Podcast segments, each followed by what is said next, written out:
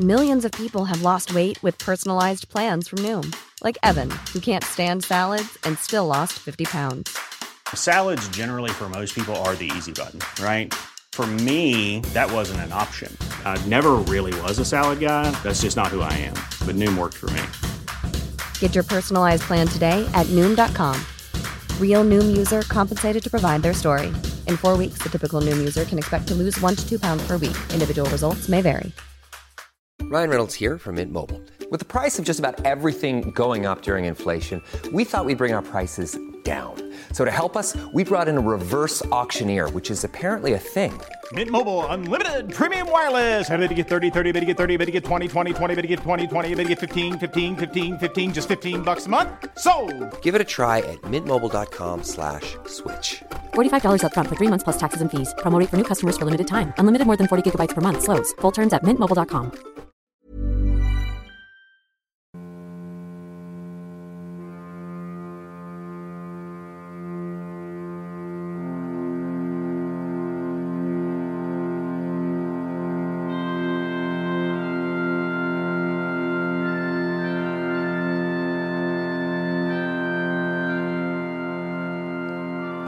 og velkommen til syning.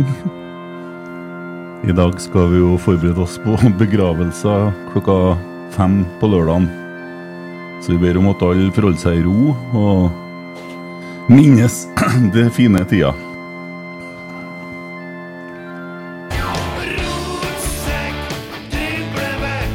Hei! Hei. Var det en eh, fin en? Det var en variant, i hvert fall. Livsfarlig? Kanskje. Ja. Det vil vise seg. Ja. Som med mye annet. Det mm, Ja. Det koster litt å være trønder. Ja, og noen dager så gjør det det. Ja. Ingen tvil om det. Koster litt å være podkaster òg. Det gjør det også. Ja. Det har brunnet på mange fronter de siste dagene, i hvert fall. ja. Skal vi eh, gi en eh, liten eh, uttalelse i forhold til det som skjedde i siste podkast? Eh, ja, det kan vi gjøre. Da klarte jeg å ødelegge lyden med en gang, ja. Ja. Skal du gjøre det, som er tross alt den som er talefør av oss to? Ja, det, det kommer jo an på hvem du spør, da. Men jeg kan jo gjøre det, gi det et forsøk, i hvert fall. Ja, vær så god. Takk for det. Takk for det. Nei, det har jo Vi var jo så uheldige, eller frampå, eller eh, kall det hva du vil, og, og hadde en uh, metafor, eller sammenligning, med hvordan det føltes å ta for brann i, i, på onsdagen. Og Det var vel en vits. det var en vits, ja. Ja. Det var det også. Men kommer litt tilbake på det med, med humor, da. Men jeg vil jo selvfølgelig, på vegne av alle sammen her, eh, beklage hvis det såra noen, det vi sa, eller flere av. Eh, det var jo selvfølgelig overhodet ikke intensjonen med det. Og så er det jo sånn eh, at eh, det blæser litt opp. Eh, jeg mener personlig at vi har sagt ting langt over streken før. Eh, flere ganger, men eh, det, det er noe mer at vi må også være vårt eh, ansvar bevisst. For at Rotsekk er jo ikke Når jeg kom inn her etter noen og 20 episoder, så var det 200 stykker som hørte på. I, nå så er det titusenvis på en måned. Og det skal vi ta på alvor, Uh, og det mener vi. Det var igjen overhodet ingen intensjon om å, å såre noen. Og det beklager vi. Legger oss kupert, som vi bruker.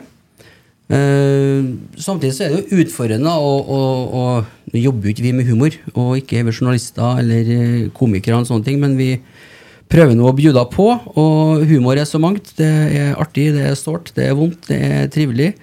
Og det er stor forskjell på dem som uh, mottaker og avsender, og hvilken historie man har med det aktuelle temaet fra gang til gang.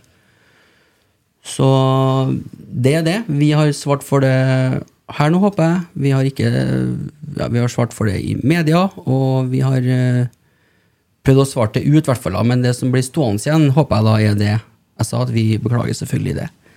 For dem som følte seg truffet av det. Og vi stiller oss bak det, alle sammen i podden.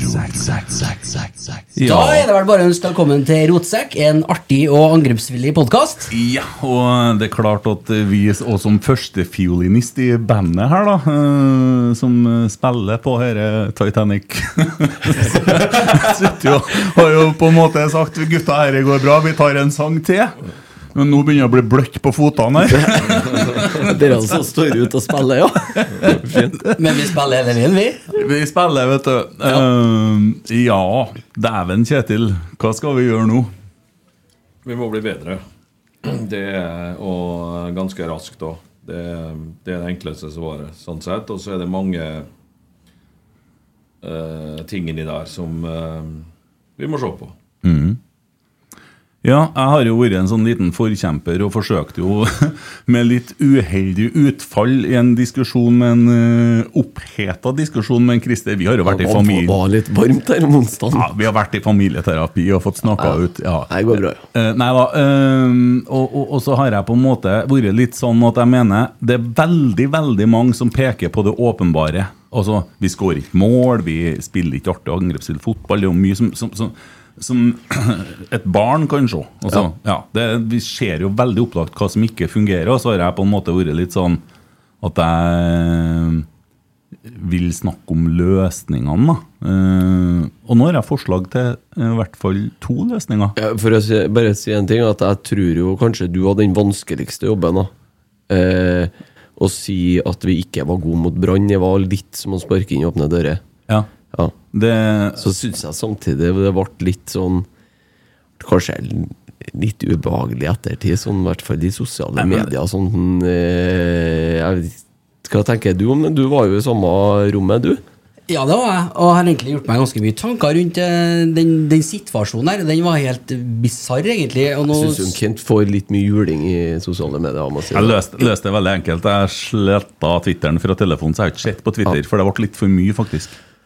Ja, det er kanskje Men det er helt greit. Og så, jeg mener fortsatt da at eh, det, det er to måter å gjøre det på. Den ene er å leve i problemet, den andre er å leve i løsninga. Og så er det litt sånn Hva kan omgivelsene gjøre, osv. osv.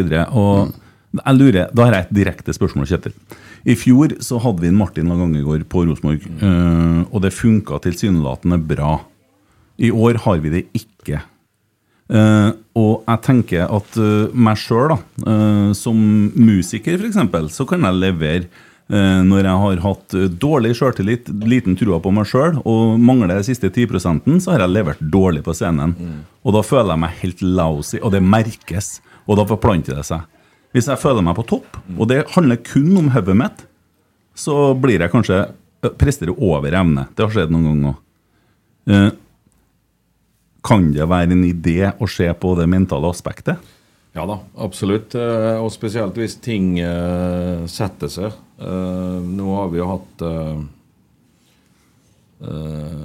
Vi hadde en poengmessig god start. Eh, Du vant serieåpninga, det- og det er alltid knokkel, selvfølgelig. Og så drar du til Molde og, og løfter det litt. nå blir det mål. Ikke for å bryte inn her, men ja. Da er det Molde som går opp i 1-0. Kan jo si det samtidig, da, før, før vi fortsetter, at vi følger litt med på de kampene som går nå klokka fem. Ja, vi gløtter litt på runden. litt eh, på runden sammen. Ja. ja. Eh, eh, nei, For å fortsette, da, så um, eh, Ja, du klarte å vinne en serieåpning for første gang på en del år. Det, det var ikke noe blendende kamp det på en humpete, ekkel bane. Men du klarte å dra den i land, og det var viktig sånn sett. Og så drar du til Molde og gjør en, eh, en rimelig bra bortekamp som du får mer og mer kontroll over. Og da, Vi har jo slitt i hele vinter, fra januar av egentlig, med å, å finne relasjonene, få samkjørt oss, få stabilitet i spesielt offensivet. Vi har sluppet inn lite mål gjennom vinteren, men vi har ikke klart å løse det. Så hadde vi troa da vi dro fra Molde at nå, eh, nå har vi tatt et steg opp. Og så datt vi nedpå igjen, og nå har vi kjørt oss litt fast. Og så er det jo, nå kommer jo andre scenarioer inn i bildet. Forventningene som ligger der, som vi vet, Som vi ikke klarer å etterleve eller prestere på. Eh, da kommer det ekstra trøkk. Du har blitt bua ut av Lerkendal tre hjemmekamper på rad. Det setter sine spor eh, hos eh, mange. Det er, det er fotballspillere som er 20-21-22 år, som eh, kommer fra et annet nivå og hit til Rosenborg der det kreves mye mer. Det, er- det er tøft. Og, og det, er- det, er veld, det er veldig vanskelig å etterleve det òg, før du Du lykkes ikke første gangen, du lykkes ikke andre gangen, du lykkes ikke tredje, tredje gangen heller. Og da, da sprer det seg. Så det, det, det står ikke på viljen eh, og lysten til å få det til. Det er en veldig eh, ambisiøs spillergruppe som er mange av dem veldig tidlig i sin fotballkarriere på, på et sånt nivå. Og det er en stor utfordring for, eh, for oss. Og så kan du godt si vi andre som har erfaring med det, har ikke klart å få dette til å fungere. Det er jo vi som må ta ansvaret for det, og ikke eh, skyve det over på spillerne. Fø- Føler Altså hva Det med forventningene og sånn. Um, dere har jo diskutert eh, veldig mye, vi òg, med forventninger og press. Og, altså, du ser Interessen er jo enorm rundt Rosenborg. Det trøkket som er det tror ikke jeg er Jeg, jeg kan ikke se for meg at det er andre lag i Norge som er likeens.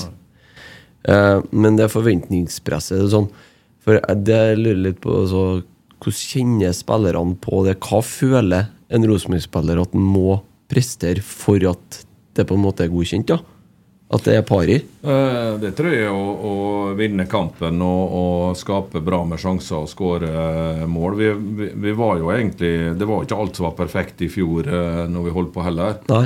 Men da lyktes du med å, å vinne kamper. Du skårte snittet vel på tre mål i en lang periode på, på hjemmebane. Og du hadde noen attraktive, artige bortekamper med 5-2 og 4-2 og 3-2 og, og sånne ting. Så da lå du på på en god kurs på det offensive. Da var det defensive snakka om. Vi slipper inn for mye mål.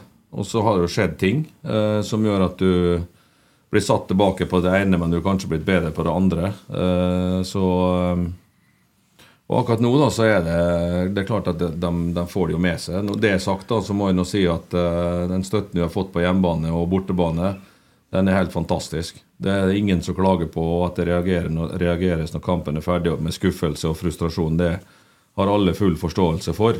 Så vi, eh, vi, vi sutrer ikke over det, og det snakkes det også om. Men det er klart du eh, Det er mange som kjenner på det trøkket akkurat nå, og det må vi bare befri oss fra. For det lykkes du i Rosenborg og får med den ballasten, så kommer du til en større klubb i Europa. Og det, og det er ambisjonen til, til mange av dem som er i spillestallen nå. så men det, det, det, vi skal, det har ingen problem med å innrømme at det er steintøft om dagen for alle involverte. Det, det er det. Og så hjelper det ikke å begynne å skyte på hverandre, for da blir det enda verre. Og så hjelper det heller ikke å gjemme seg. Det er jo også en grunn til at de sitter her i kveld. Dette var jo for så vidt avtalt for lenge siden, men det hadde vært veldig lett å si nei, jeg orker ikke å komme, for det jeg ligger heller på sofaen og ser i taket. Nei, jeg stiller nå opp og prøver å um, ta, vise ansikt, selvfølgelig, og, og ta ansvar for det som, som skjer. Og så er det uavhengig av personer oppi der, så uh, må tida gå fremover. Og utvikling av uh, spillerstallen og ut, utvikling av spill, ut, utvikling av lagdeler, det er jo det som er fotballens uh, dynamikk. Og det er den muligheten du har til å komme deg opp og frem.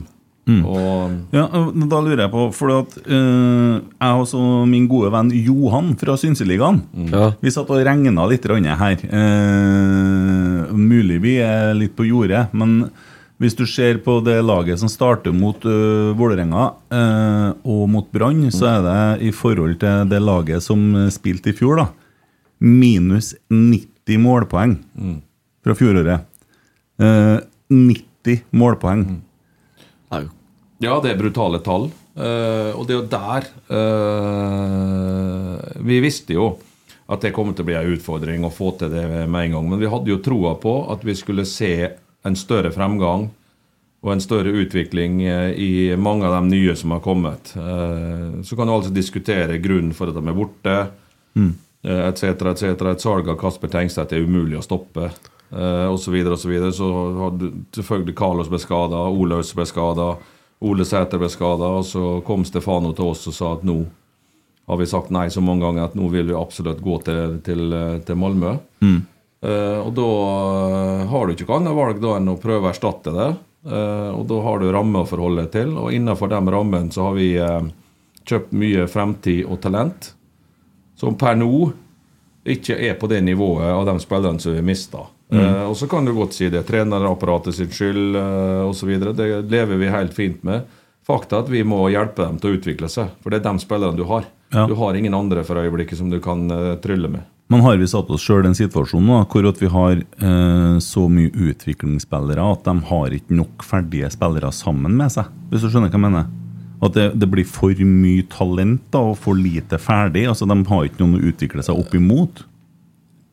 Vanskelig å svare på. Jeg satt og regna på i stad. Vi har 12, altså halve stallen er U21 eller yngre. Eh, så, eh, og så har du noen som har vært med eh, frem til eh, den siste altså Erlend og André og Markus har kanskje vært dem som har levert best Mm. i starten av sesongen. For de er vant til dette her. Og så har du noen som Mm. har vært i nærheten av det. Men helheten, det er derfor vi ikke eh, får det til. Fordi at totaliteten i angrepsspill og forsvarsspill det, det, det er ikke godt nok. Vi er på mange parametere for svake. På kontring, på etablert spill, på offensiv dødball, på defensiv dødball.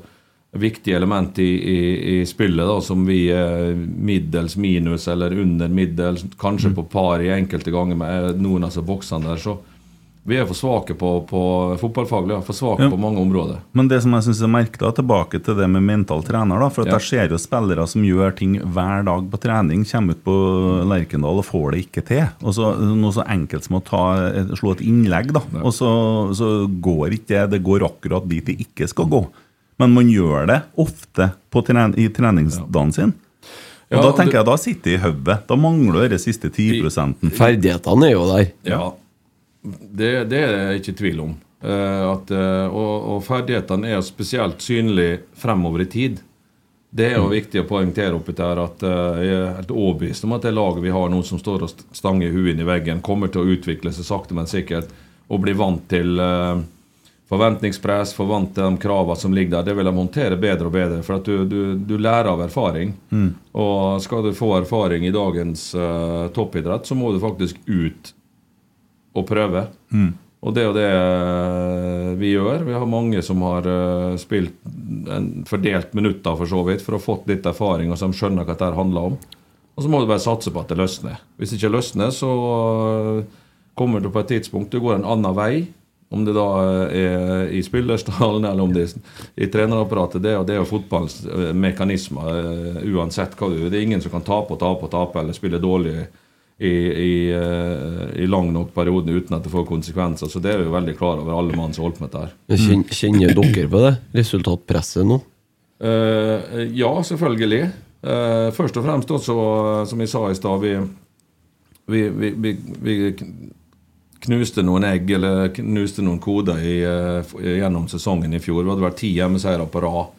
Snitta på tre mål i snitt. Eh, Det var ikke alt som var bra der, men da, da var du på sporet av noe. Og så ble du satt tilbake. Men vi ønsker jo fortsatt å utvikle oss, selvfølgelig.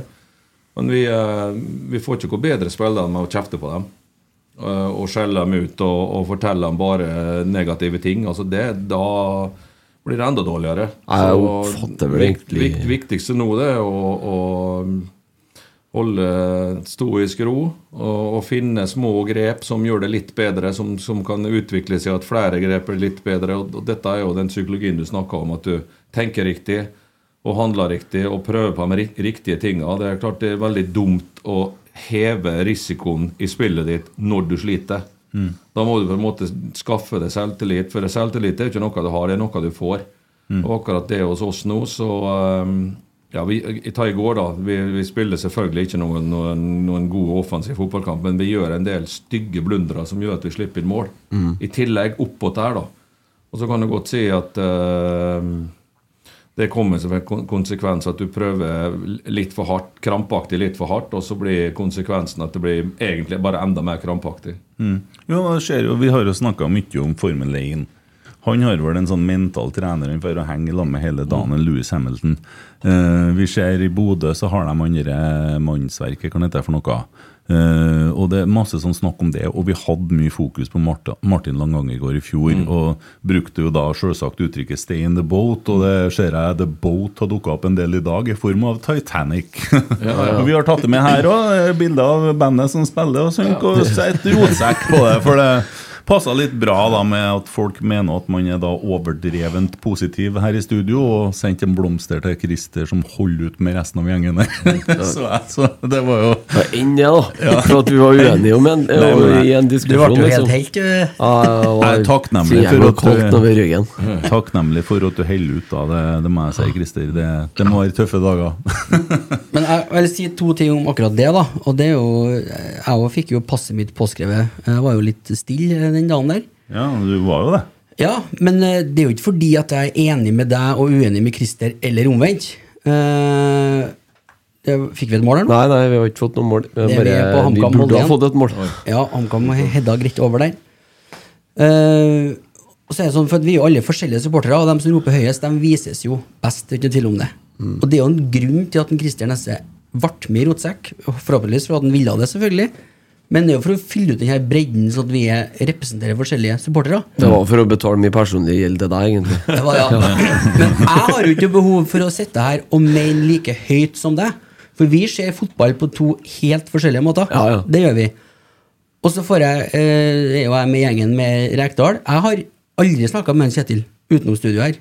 Vi har vært i podkast her sammen. Mm. Men det opplyses som at jeg skal sitte her og si til en Kjetil at du er en ræva fotballtrener. Nå sitter vi her, og nå sier jeg til deg. Men hva så? Hva skjer etter det? Du kan svare det du alltid svarer, ikke sant? at du har stått i det i 40 år vært med på det før, osv. osv. Vi lager jo et produkt her på dugnad. Og det er Ingen av oss som får noe betaling for å sitte her. Vi sitter jo her for at vi syns det er kjempeartig. Og vi har Ikke, vært ikke fortell til Emil at vi får betalt for det, Christer. For det er veldig greit at han ikke vet det. For Ja. det er mer på oss andre. Vi har jo kommet dit at Men- vi heldigvis ikke har noe Men- utlegg men, lenger. Du kan, jeg kan jo snu på det. Jeg har ikke noe problem med at du, om du hadde kalla meg for en ræva fotballtrener. Sånn, det er et yrke som uh, det svinger i. Mm. Uh, og det svinger veldig fort. Eh, og du, eh, du jobber med utrolig mange mennesker som eh, er i forskjellige faser av sin karriere. eh, ambisjoner, eh, mentale prosesser med lykkes, ikke lykkes, tilbake fra skade, får for lite spilletid, får kanskje ikke spille akkurat sånn som de ønsker. Så du, det, det, det er utro, utrolig mange sånne faktorer som spiller en rolle her. Og det skal du håndtere, og det svinger. Så eh, det er ingen fotballtrener som vinner alle kampene. Og det er ingen fotballtrener som taper alle kampene. Det er heller ingen fotballtrener som sender et lag på en fotballbane uten en, en plan som du jobber med gjennom hver dag på treningsfeltet. Det er et Såpass god eh, erfaring har jeg med å ha vært med i toppidretten i 40 år.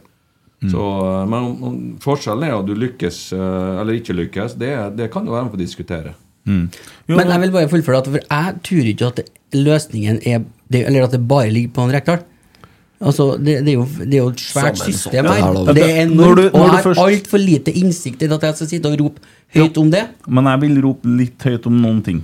Akkurat ikke ferdig ennå. Ok, nei, ja, for det jeg vil si at hvis vi skal gjøre det, da, som vi har snakka om før, i episode etter episode Altså, artig angrepsfull fotball, ok, det, vi, har vi er ikke i mål der. Men dæven hvor vi er i mål på folkelighet og åpenhet, Mm. med Kjetil som trener. Stiller opp, tar ansvar og møter opp. Absolutt. Og Rotsekk har ikke vært noen ting uten det der. det- At folk stiller opp her gang på gang. Vi er helt avhengig av Da kan ikke vi sitte her og, og, og sage hodet av folk. nei. Altså, det er jo ikke sånn at vi som driver med det, ikke har lyst til, eller prøver, eh, å etterleve og få til Ja, det blir ikke var. Det er helt utrolig at ikke det der er straffe. Ja, han, han, det ble, altså han, de sjekka han på VAR. De sjekket han, ja. Ja, ja. Sjekka den. Vi, sjekk, vi snakker da om Odd Tromsø nå, en ball som går i handa på han med den fantastiske sveisen fra 1983. Mistelbø-kollegaen til Bratseth, ja. Ja. Nei, men altså for å fullføre da Det er jo ikke sånn at vi ikke prøver å etterleve eller har lyst til eller legge opp et opplegg som skal, som skal eh, gjøre det. Uh, og ja, altså Klubbens forventninger og, og hva skal jeg si, verdier er jo at du, skal, at du skal gjøre det. Men det er jo ikke dermed sagt at det har blitt gjort hver eneste sesong i historien. Du har jo hatt fase her før eh, oss òg, som ikke har vært eh, suverent eh, og i forhold til artig angrepsvillig fotball. Det, det er det ikke. Så det har vært i bølgedaler her òg. eh, Og jeg mener det vi gjør i fjor, det er innafor. Absolutt innafor. Det vi har gjort så langt i år, er, langt utafor. Det har jeg ingen problem med å, å, Ja, å, å, å ta inn over oss. Det er Jeg veldig tenker befriende. første, første ti minuttene mot Brann, ja, kanskje tolv òg, Ja. ja. de er jævlig bra.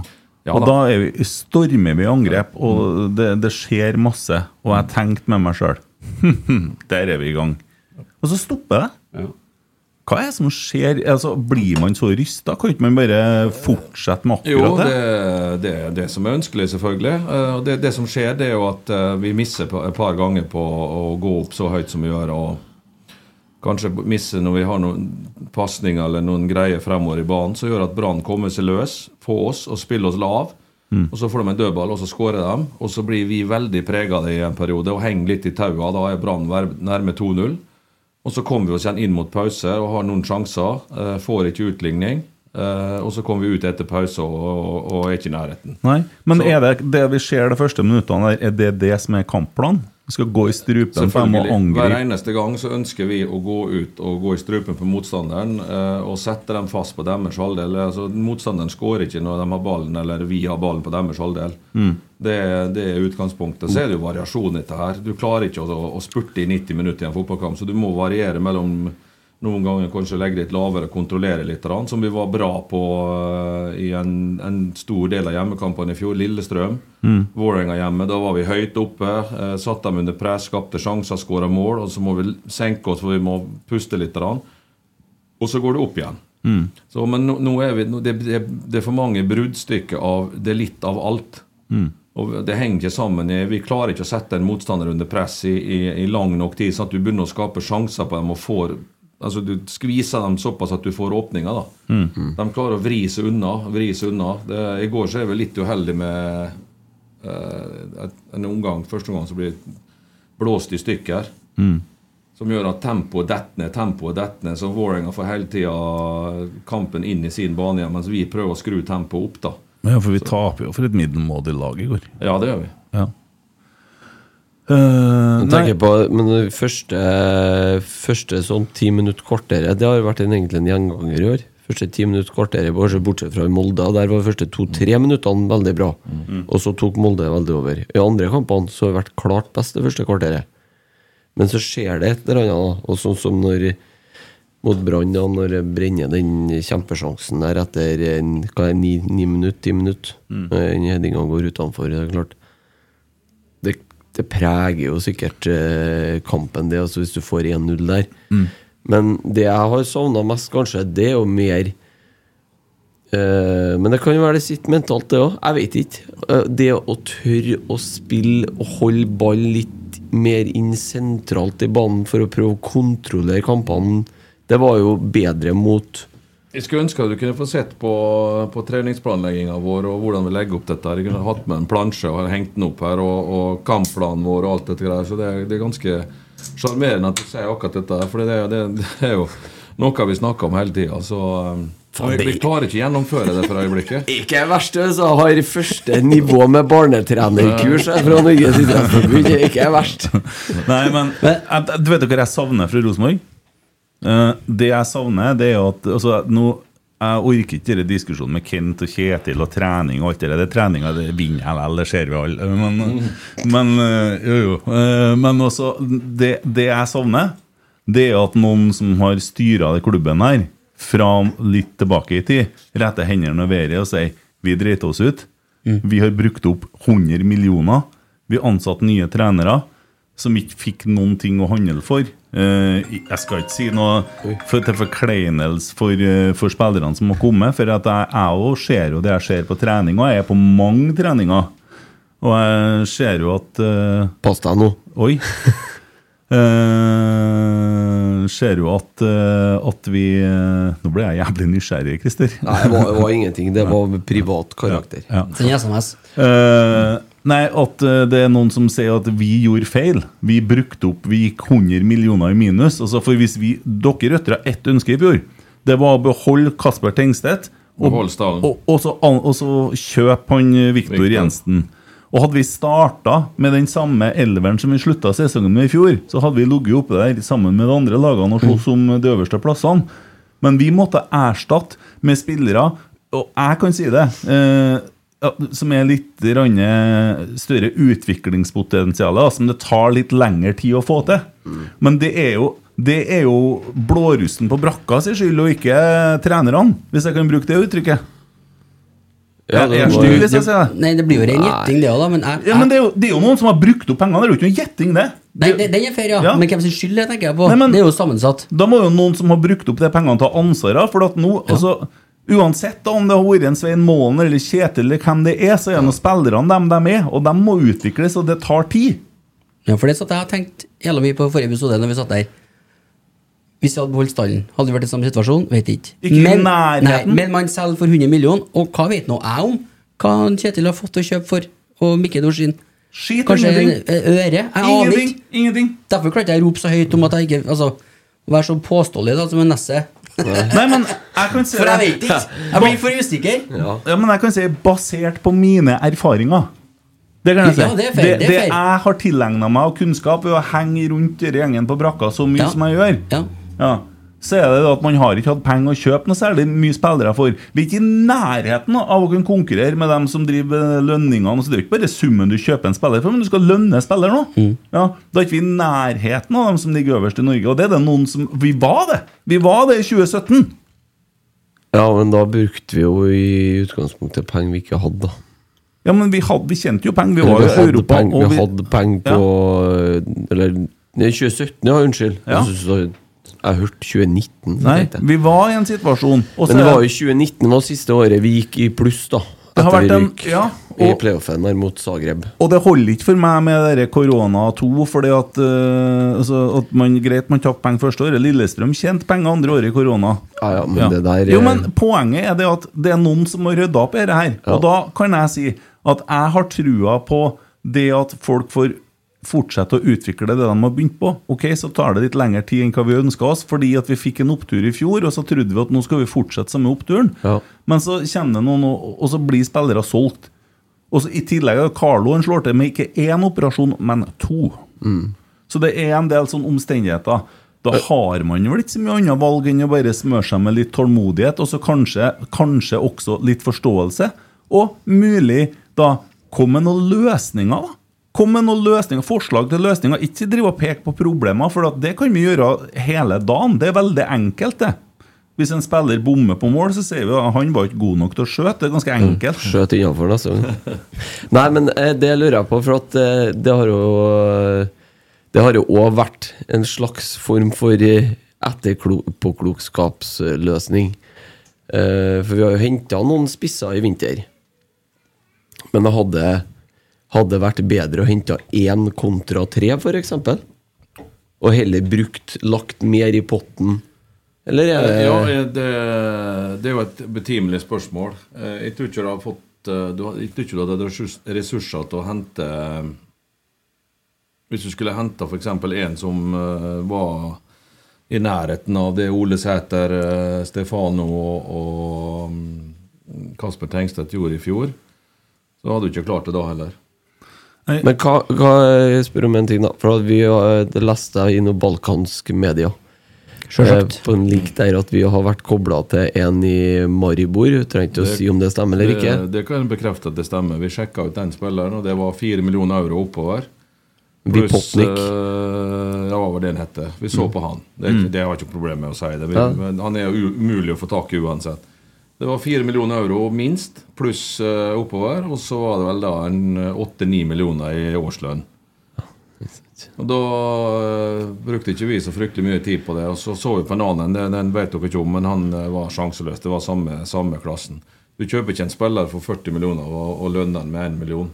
Eh, Nei, ser en, jeg vet en klubb som gjorde det her, og det han Men, men eh, det, det er kanskje det største problemet til Rosenborg nå, er lønnsstrukturen, da. Hvis du skal gå ut og hente eh, en toppspiss, eh, altså sånn som han eh, Vipotnik som spiller siden av en Sesko på slovenske landslaget. Hvis du skal Ja. ut og hente en sånn spiller, så er det egentlig ikke, kanskje ikke overgangssummen du dytter inn, for det er jo, kan jo være investering. Det er jo mer lønna du sprenger taket. Eh, ja, egentlig på begge deler. Ja. Det sant, fordi at uh, du eh, Ja, skal du være med på det som eh, pågår, da, med de beste svenske, beste danske og de to mest ressurssterke klubbene som, i Norge nå, som Molde og Bodø-Glimt, så er vi milevis unna på å konkurrere både på lønn og potensiell i overgangssum akkurat nå. Og Da er det bare én måte å, ordne det på, det er å utvikle det laget du har. Eventuelt få et, eh, et spillersalg som eh, kan gjøre at du har eh, ressurser til å, å handle for. Eller så må du inn i et gruppespill i, i Europa. Det er der pengene ligger. Om du blir nummer to eller tre eller fire, fire Kanskje da dette var utenfor Europa, men om du blir nummer to eller tre, eller for så vidt å vinne ligaen, så er ikke der det er ikke store forskjell mellom første, andre og tredjeplass. Det er spillersalg og kvalifisere seg for gruppespill i Europa. Store pengene ligger. Ja. Ja. Jeg fikk akkurat uh, melding her. Eh, Jeg er jo ikke på Twitter, men uh, heller jeg har slått av på telefonen. Det hjelper jo ikke. Du får jo screenshotter. og så er det da min lillebror som skriver at det snakkes mye om mental trener. Uh, så sier han at han er positiv til det, og så spør han om det er noen som kjenner en mental trener som er god på offensiv struktur. Da må jeg bare forklare eh, min lillebror at det er ikke det jeg snakker om, for det tror jeg det er trenerne som står for.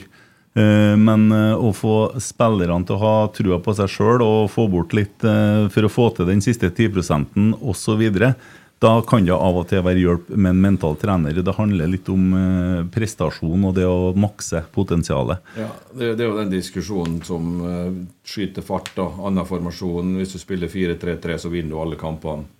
Og da kommer alt på plass igjen. altså Det, det, blir veldig enkelt. altså Jeg er jo ikke motstander av eh, 4-3-3. altså hvis, det, hvis jeg var sikker på at det hadde løst opp alt, så hadde jeg spilt det tvert.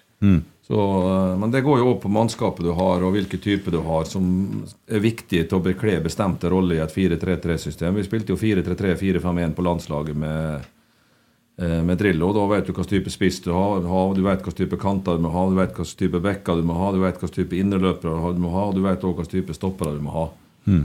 Og Da må du sette deg ned og se på har du nok av den typen til å i fall bekle overtallet av altså flesteparten av de posisjonene du snakker om. da. Eh, og Det det er diskutert når vi kom, og det har vi også diskutert underveis. Eh, og Det kan jo bli en diskusjon fremover i tid òg, men akkurat nå så tror jeg det viktigste er å få nullstilt oss og, og komme med en, eh, en, en modig plan i, i Bodø som vi gjorde i fjor. Jeg hadde blitt, kommet til å bli pressa bakpå, men at du jevnt og trutt kan true Bodø-Glimt og, og skape sjanser på. Vi hadde vel elleve sjanser i Bodø i serieåpninga i fjor. De hadde ni. Så det må være målet og, og på, kort, på kort sikt. da. Og så er det selvfølgelig fortsette. Og det er, det er jo kun Molde og Bodø-Glimt i utgangspunktet vi sier at ok, nå møter vi to topplag. Da må vi kanskje se litt på styrken deres. Ellers er det kun fokus på oss sjøl. Ja, for, for det, det er mest fokus, det, altså, det er fokus på oss sjøl. Ja, ja. Ja. Jeg har òg et annet svar til det som ble kommentert der, da, fordi at vi så jo den offensive strukturen eh, mot Brann de første ti minuttene, og så kommer du med en forklaring på hvorfor ting detter litt sammen, og at det skjer noen ting i kampbildet, og akkurat der mener jeg at en mental trener kan inn og kanskje bidra til at man ikke bekke så fort over da, hvis det skjer noen ting, og det vil jo ofte skje det i en fotballkamp, at man uh, får noe feil, eller at, noen, at det skjer noe som er uforutsett, og at vi står bedre i det. Hvis du tar bortekampene våre, da, så er det blitt uh, nå er jo, Det er jo viktig at du, at du faktisk innimellom, vi som driver med dette, ser på de positive tinga. da. Vi har mer kontroll på bortekampene enn i fjor. I fjor så ble vi rundspilt i perioder og sleit fælt med omstilling av gress til kunstgress. Eh, ja, vi var på hælene første kvarter i Molde. Resten av kampen har vi full kontroll på. I Skien så har vi full kontroll på kampen i åtte minutter. Ja, vi skaper ikke nok sjanser, det er det neste steg på veien. Men nå greier vi å reise på bortebane, iallfall så langt i år, da. Og spille oss ut bakfra. Ha ballen mye mer. Eh, få hjemmelaget ned på deres halvdel, så at du ikke blir trykt inn i eget mål, som vi ble i Drammen, i Sarpsborg i første omgang, Kristiansund i første omgang, Tromsø i starten av kampen. Eh, kan ramse opp eh, en del andre kamper til i, i tillegg, sannsynligvis. Så der har vi blitt mer voksne. Men det, er- akkurat nå så er det kanskje litt uh, logisk òg, fordi at uh, der tør vi å slippe oss løs litt mer. Men hva er det det kommer av da når du ser altså Det skåres jo litt mer mål på treninga, det skjer jo noen avslutningsegenskaper og sånne ting, og så virker det at de er fullstendig fraværende. Ja, men det er jo at Vi kommer ikke ofte nok inn i de situasjonene i kampene. Det, er, det er jo noe som heter at du, du må jo uh, fòre Hva skal jeg si Fòre for at du skal bli sulten på mer, mer, mer. Mm. Da er det viktig at vi, vi får noen i skåringsposisjon og får ballen over streken. og ja, får eh, en god følelse på at ah, der fikk jeg sprengt den nullen osv. Og, så og så blir det lettere å fortsette, selvfølgelig. Men det er ikke noe quick fix på dette der. Det, fotball er et lagspill der eh, alle elleve har ansvar for begge deler. Både å forsvare seg og selvfølgelig angripe. Mm. Ja. Det er lite mål eh, i runden denne gangen. Troll i nord. Han melder at det er 16 billetter igjen på bortefeltet mot Bodø-Glimt på lørdag. Ja. Så det det fortsatt- utsolgt her. Er fortsatt sånn piggtråd sånn oppe? Ja, det er sikkert. Ja. Støngun når du skal gå inn og sånn. Jeg har fått litt kjeft fra nord, og jeg da. Eh, mye denne uka, men jeg har fått kjeft om en annen ting òg. Det er at vi har sittet her og harselert og tulla med at de sikkert var dopa. Det vet vi selvsagt ingenting om, og vi bør holde oss for gode til å snakke om det, så vi gjør en del feil her. Altså det Ja. Vi kler navnet rotsekk, men det skal vi slutte med. Det er tatt til etterretning. Ja da. Det òg.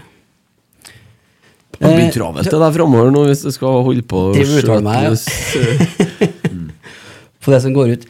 Nei, men tilbake til altså Nå har vi snakka mye om mental trener. Jeg, jeg er jo ikke så Det hjelper nok, men det er jo ikke løsninga for hele utfordringa vi står i. Det tror ikke jeg. Nei, En mental trener kan ikke slå ei pasning. Han kan, han kan fikse litt med mindsetet ditt med forberedelsene dine inn mot kamp, og hvordan du reagerer når du får det til, og når du ikke får det til. Det kan det gjøre, men han kan jo aldri slå en pasning eller skyte ballen i mål eller vinne en takling, selvfølgelig. Men mindsetet eh, oppi her kan du påvirke, selvfølgelig. Det er klart Hvis du begynner å tenke negativt fort, så ja, da blir det vanskelig. Ja, det var jo egentlig bare et spørsmål fra meg, da, men jeg ser jeg blir utfordra på at jeg stiller det spørsmålet da eh, på Twitter. Men så har jeg et spørsmål til som går på øh, sånn type løsning, da. Eh, vi er da seks engelskspråklige, eller altså utlendinger, i, som spiller i troppen nå. Og så ser jeg at det snakkes jo mye norsk eh, i coachingsituasjoner og sånne ting. Kunne det vært en idé at man har begynt å snakke engelsk fra man kommer på jobb til man drar fra jobb, så lenge de er i samme rommet. Vi snakker engelsk mye mer enn det som blir vist. Ja. Vi holder spillemøter eh, stort sett på engelsk, så alle får med seg det. Og gir tilbakemeldinger til de engelsktalende på engelsk. eh, Både i og Vi har jo hatt noen artige episoder med dårlig, Dårlig engelsk, ja. dårlig, norsk-engelsk. Så eh, Frigård er vel god der. Eh, Ja, Frigård er han er Ja. Det, er- det, litt, det, det er ganske tøft når du mangler et ord. da Så Ja. Jeg driver og erter Geir med litt uh, Ja, ord men- og uttrykk. da Eat like a horse og Don't sell the Don't sell the skin before the bear is shot. Og jeg drev og fyrte opp med sånne Da han skal tråkke i, i, tråkke i salaten. Da, så, men det er klart, når du skal snakke fort, eh, og så mangler det et ord, og da er det, blir fort norsk-engelsk. Ja, ok. Ja, for jeg trodde at det kanskje var sånn at dere snakka mye norsk, og så gikk eh, spillerne og forklarte dem etterpå hva dere sa og sånne ting, og at de kanskje ikke hang med på alt sammen? Og at de Nei, og går det, glipp av ting? det, det brukes engelsk ganske mye. Ja. Det er godt å høre, for det tenkte jeg var en av løsningene. Snakk mer engelsk. Men eh, tilbake på det som eh, skjer på banen, da, og så budskapet fra kjernen med artig og angrepsfull fotball. Og så nevner du, Kjetil, her at du man venter litt på at det skal løsne. Og så tenker jeg bare ref i forhold til forskjellige lagoppstillinger, formasjoner, Ja. og du sa at du kunne ha hatt med en, en plansje her og visst hvordan oppbygginga egentlig er tenkt. Ja. Er det er, Altså, har man det, det blir jo tilbake til den berømte planen, da. Har man den planen, og er den så tydelig at de skjønner den, eller gjør de ikke det? I og med at det varieres, og at man da bare går og venter på at det skal løsne på et tidspunkt. Nei, altså det er klart du Du har jo faste utgangspunkter, men det er klart du trenger bekreftelser. Eh, gjør du absolutt. Og så er det forskjellige typer spillere, da. I forskjellige typer roller. sant? Og så har jo vi eh, en ganske jevn spillerstall eh, for øyeblikket. eh, Der du prøver å fordele spilletida. Og så kan du godt si at det, vi- vi skulle ha stått med en elver fra kamp én og kjørt på. Og Da hadde du økt risikoen for at du kanskje mister en fem-seks mann. Jeg får ikke sjansen, jeg får ikke spille. Og så må du begynne å bruke dem om to måneder. Så den sesongen i år er litt annerledes i fjor, for da var det liksom helg, helg, helg. helg. I år så kommer det en del midtukekamper. det og Da er du helt avhengig av eh, å ha flere å kunne bruke. Og så er det noe annet som er viktig. Skal vi få utvikling, så må du faktisk på banen.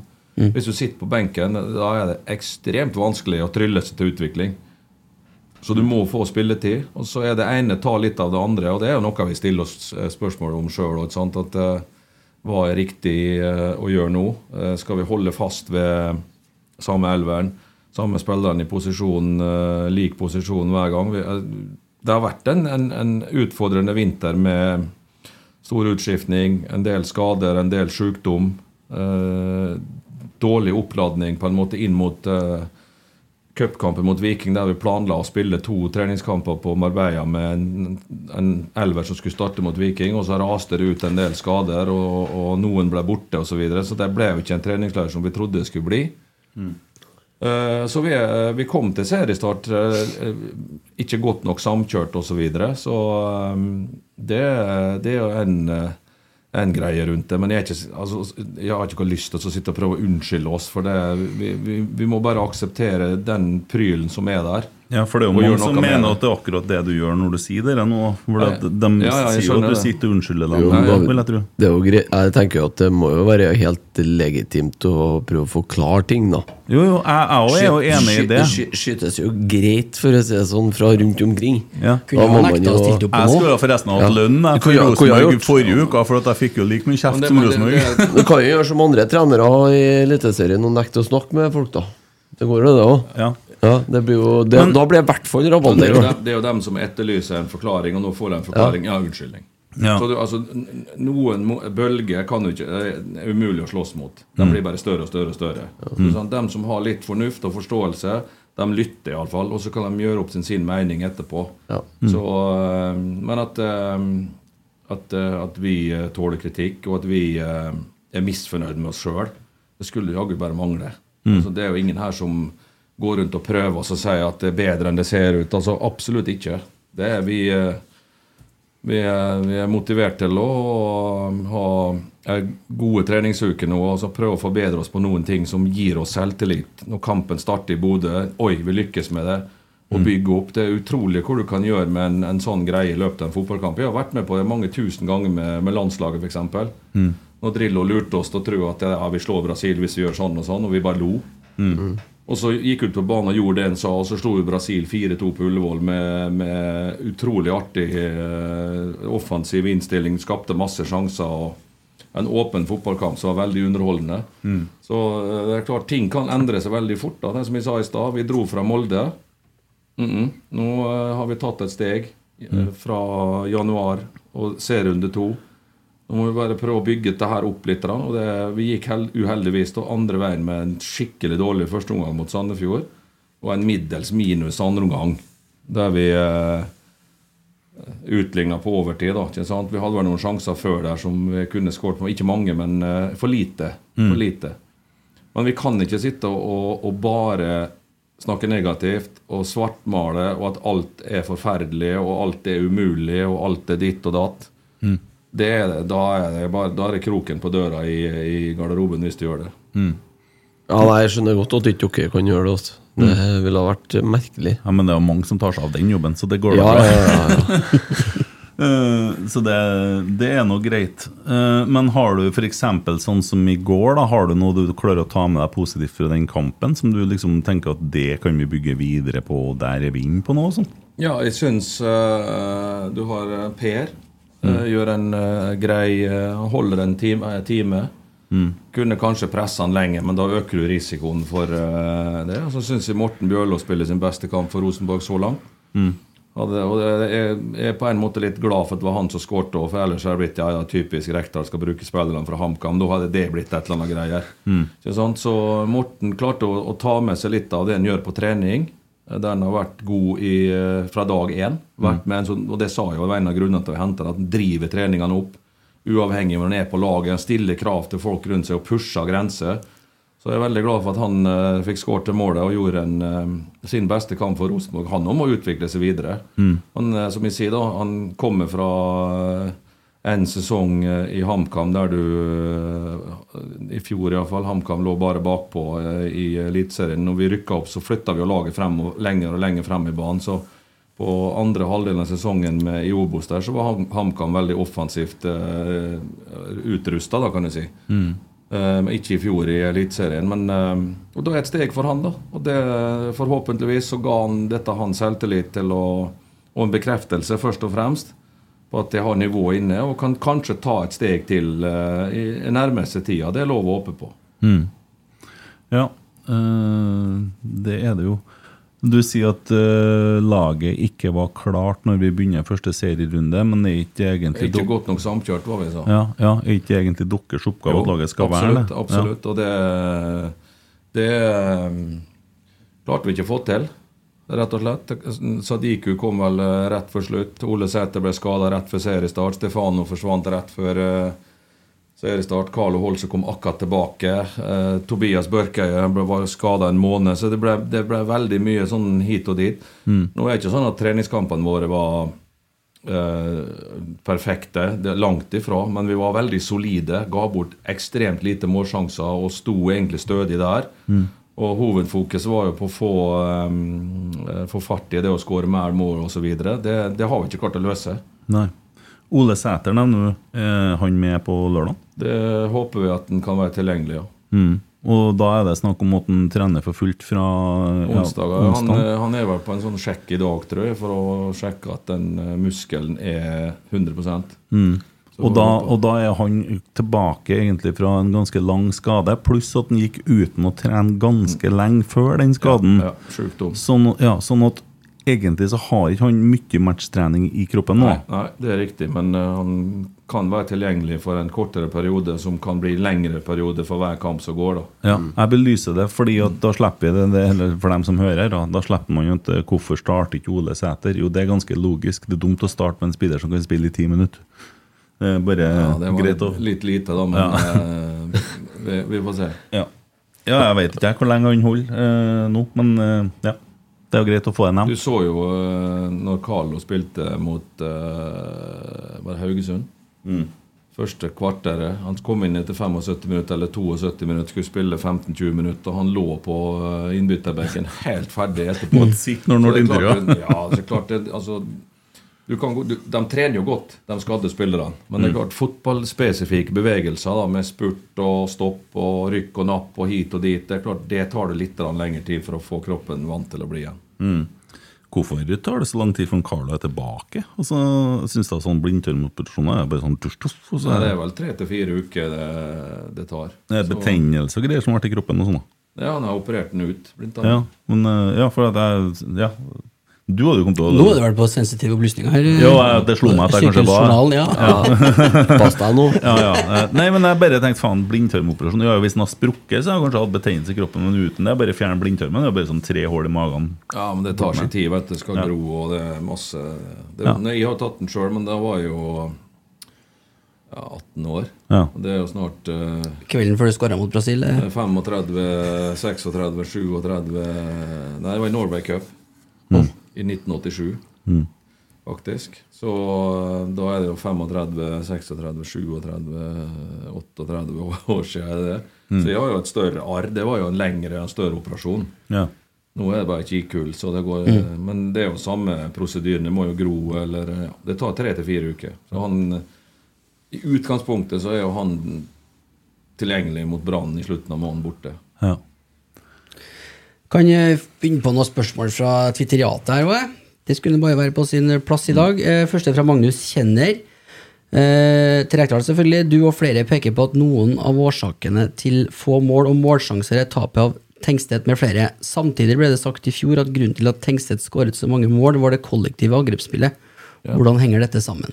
Ja, Det henger jo sammen med at du eh, Det er ikke bare Tengstedt som er borte. Mm. Det er hele fronten. Det Og Kasper han hadde vel ikke akkurat bøtta inn mål før han kom. På laget han har spilt Så han ble satt i En god spiller, selvfølgelig. Altså Du kan ikke prate ned prestasjonene hans. Men han blir også satt i gode posisjoner av lagkameratene sine. Både han og Ole og Stefano hadde jo et høyt målsnitt. Ja. Så det er klart, de, de, de skåra ikke måla med å drible fem-seks mann alene hver helg. De ble satt i gode posisjoner. Men det, det er jo et samspill da, ikke sant, mellom eh, midtbane eller wingbacker, eh, offensive midtbanespillere, og makker til dem at, at det klikker sammen. Da. Så du, du er med å, å skape rom. og blir brukt når du skal ha ballen på riktig tid. At ikke blir slå, Hvis én skaper rom for den andre, og du slår på førstebevegelsen, så mens du egentlig skulle slått på den andre, sant? da renner du ut i sanda. Så det er jo, det er jo automatismer som, du, som setter seg, da, kan du si, på en måte. Og dem har vi ikke like godt nå. Det vi kommer jo inn på motstanderens halvdel. I fjor så ble vi kritisert for at vi hadde ballen for lite. Nå mot Vålerenga har vi ballen nesten 60 Jeg tror det er 58-59 Og vi er ganske mye inn på deres halvdel. Spesielt i første omgang med kontroll av ballen. Men derfra til å få eh, skapt det siste, der er vi ikke gode nok for øyeblikket. I forlengelsen av det så hadde vi en eh, kar på Lerkendal i fjor som het Viktor Jensen. Mm. Han var En av hans kanskje fremste styrker Det var å finne det gjennombruddet. Og ta og slå Om ikke han hadde nest siste pasninga, så hadde han ofte tre, Ja, var er tredje-fjerde sist for å få eh, For å liksom få stukket hull på ballongen på lavtliggende lag og Ja. få tredd opp. Og var god til å dra opp tempo i, når vi har hatt ballen spesielt offensivt sentralt i, i området. Eh, men da er jo spørsmålet For at eh, jeg har ikke noe problem med at dere kjøper Morten Bjørlo til, Kjøpte ikke til han? Nei, jeg henta han gratis. At han kommer til Rosenborg, det er ikke noe problem i, i mitt hode. Men han representerer jo noe helt annet enn det Viktor Jensen gjorde i fjor. Så det har kanskje vært mye vært bedre å fått inn en eh, mer lik indreløper som han, da. For, eh, for den, det er en egenskap der som er borte, Mm. som vi egentlig trenger. Per har jo litt av det samme. Det er en til, vet du. Skarsheim kan ha det der. Skarsheim kan ha det. Ja. Ja. Men han har jo ikke vært der tilgjengelig. Nei, Da. og så er det Nypan som kan ha det. Ja. Ikke sant. Eh, Men, men når vi står der da eh, og har et budsjett å skal forholde oss til mm. før jul, og vi vet at Carlo er operert, han er ute i fem måneder, og kanskje nå er seriestart eh, Vi vet at Olav Skarsheim hadde hatt problemer. Kanskje endte opp med operasjon som de gjorde, og risikoen for at han nå er ute til, seriestart, og du har x antall kroner igjen på lønnsbudsjettet ditt da henter du en spiller som kan bekle flere roller, og i tillegg være tilgjengelig når det brenner. Litt eldre Litt annen alder enn alle de andre. eh, Og ja, tåler å ikke spille alle kampene, da. Ikke sant? Altså, du planlegger jo fra starten av Oi, det kan bli 54 med full suksess, så blir det over 50 kamper. Og Da må du ha nok spillere som én er på treningsfeltet, to er tilgjengelig til å spille kampene. Og det er ikke tvil om at det fysiske Vi har noen tall fra kampen i går. Vi løper mindre i går eh, enn vi har gjort i, eh, i, i en del andre kamper. Fordi at det er kamp tre på seks dager. Da ser du noen tall, ikke, ikke voldsomt, men litt lavere enn en ellers. Og, og skadefrekvensen, den statistisk, og dette er 100 sikre tall, den øker med seks når du spiller tre kamper i uka. Og Derfor så må du ha, i, i dagens fotball så intens som det har blitt, ha nok folk til å, å kunne rullere med. Og, og Skal vi lykkes da i sommer og komme inn i Europa, og samtidig som du skal kjempe om å kvalifisere til Europa for neste sesong, så må du ha en stall du kan rullere på. Det er jo, det er jo litt av grunnen til at vi har bytta litt mer enn kanskje vi burde gjort da nå i, i starten. Mm. Eh, bare et lite innspill på Viktor eh, der, Christer. For at Viktor Jensen i fjor når han kom, det var noen dager han ikke så ut i måneskinn. Og det var noen kamper hvor jeg tenkte å jøsse navn, hva er dere der for noe? Spesielt mot litt sånn kjøttlag. Haugesund og sånn. Ja. Eh, men, jeg, han tok, ja, men han tok gradvis steg. eh, Ble bedre og bedre. Altså utvikla seg. Eh, og da er jeg inne på det som jeg tenker på, som jeg har sagt så mange ganger, at eh, jeg tror at det trenerteamet vi har nå, er ekstremt god på å utvikle unge talenter. Men jeg tror at akkurat nå så er det veldig mange unge talenter. Da tar det litt lengre tid, for at det er så mange som skal komme og ta de stegene samtidig. Eh, og derfor så og, og hvorfor? Når man fikk det da man fikk det i fjor, på sesongstarten i fjor var ikke så wow den heller. Ja, Bodø var bra. Og så var det jo litt sånn uh, første ti kampene Vi satt her og snakka om de første ti kampene. Det var ikke all verden. 14 poeng etter 10 i første andre i fjor. Ja, og så Stemmer det? Ja. Ja, og så begynte det å skje ting. Det er jo ikke noe grunn til at det skal skje i år òg, men det er litt skuffende at det blir likedan i år, for at man fikk sånn opptur på høsten, og så hadde man håpa at man fortsatte likeens som man gjorde i fjor høst. Men det er da nesten logisk at man ikke gjør det. Og, så, og jeg som deg resignerte i går. Ble, altså, I går datt jeg bare sammen. I går det var bare trist. Det er bare tungt. Det er, det, det er tøft. Ja, det blir jo det. Ja. Ja. Du klarer ikke å bli sint engang, du blir bare lei deg. Du blir tom og mutt. Fordi at det, nå begynner det å bli vondt, ikke sant? Jeg òg er der. For all del. Men eh, hva var det jeg skulle si at eh, Jeg tror jo de fleste eh, tenkte at uh, har vi beholdt stallen fra i fjor, så er vi med å kjempe om gull i år, ikke sant? Ja, det, er helt, det er helt garantert. Ja, og så blir det sånn at man selger da først og fremst da Tengstedt da i januar. Da tror jeg det var ganske mange som tenkte at ja, der for, for gullet. Jeg tenkte i hvert fall sånn. Ja, det gjorde jo på en måte det. Ja. Og så da, da solgte vi gullet for 100 mill., da. Og det 100 mill. kan jo vise seg å bli jævlig dyr, dem. ja, ja, det er jo interessant, eh, interessant det der, da, for så vidt. Ja.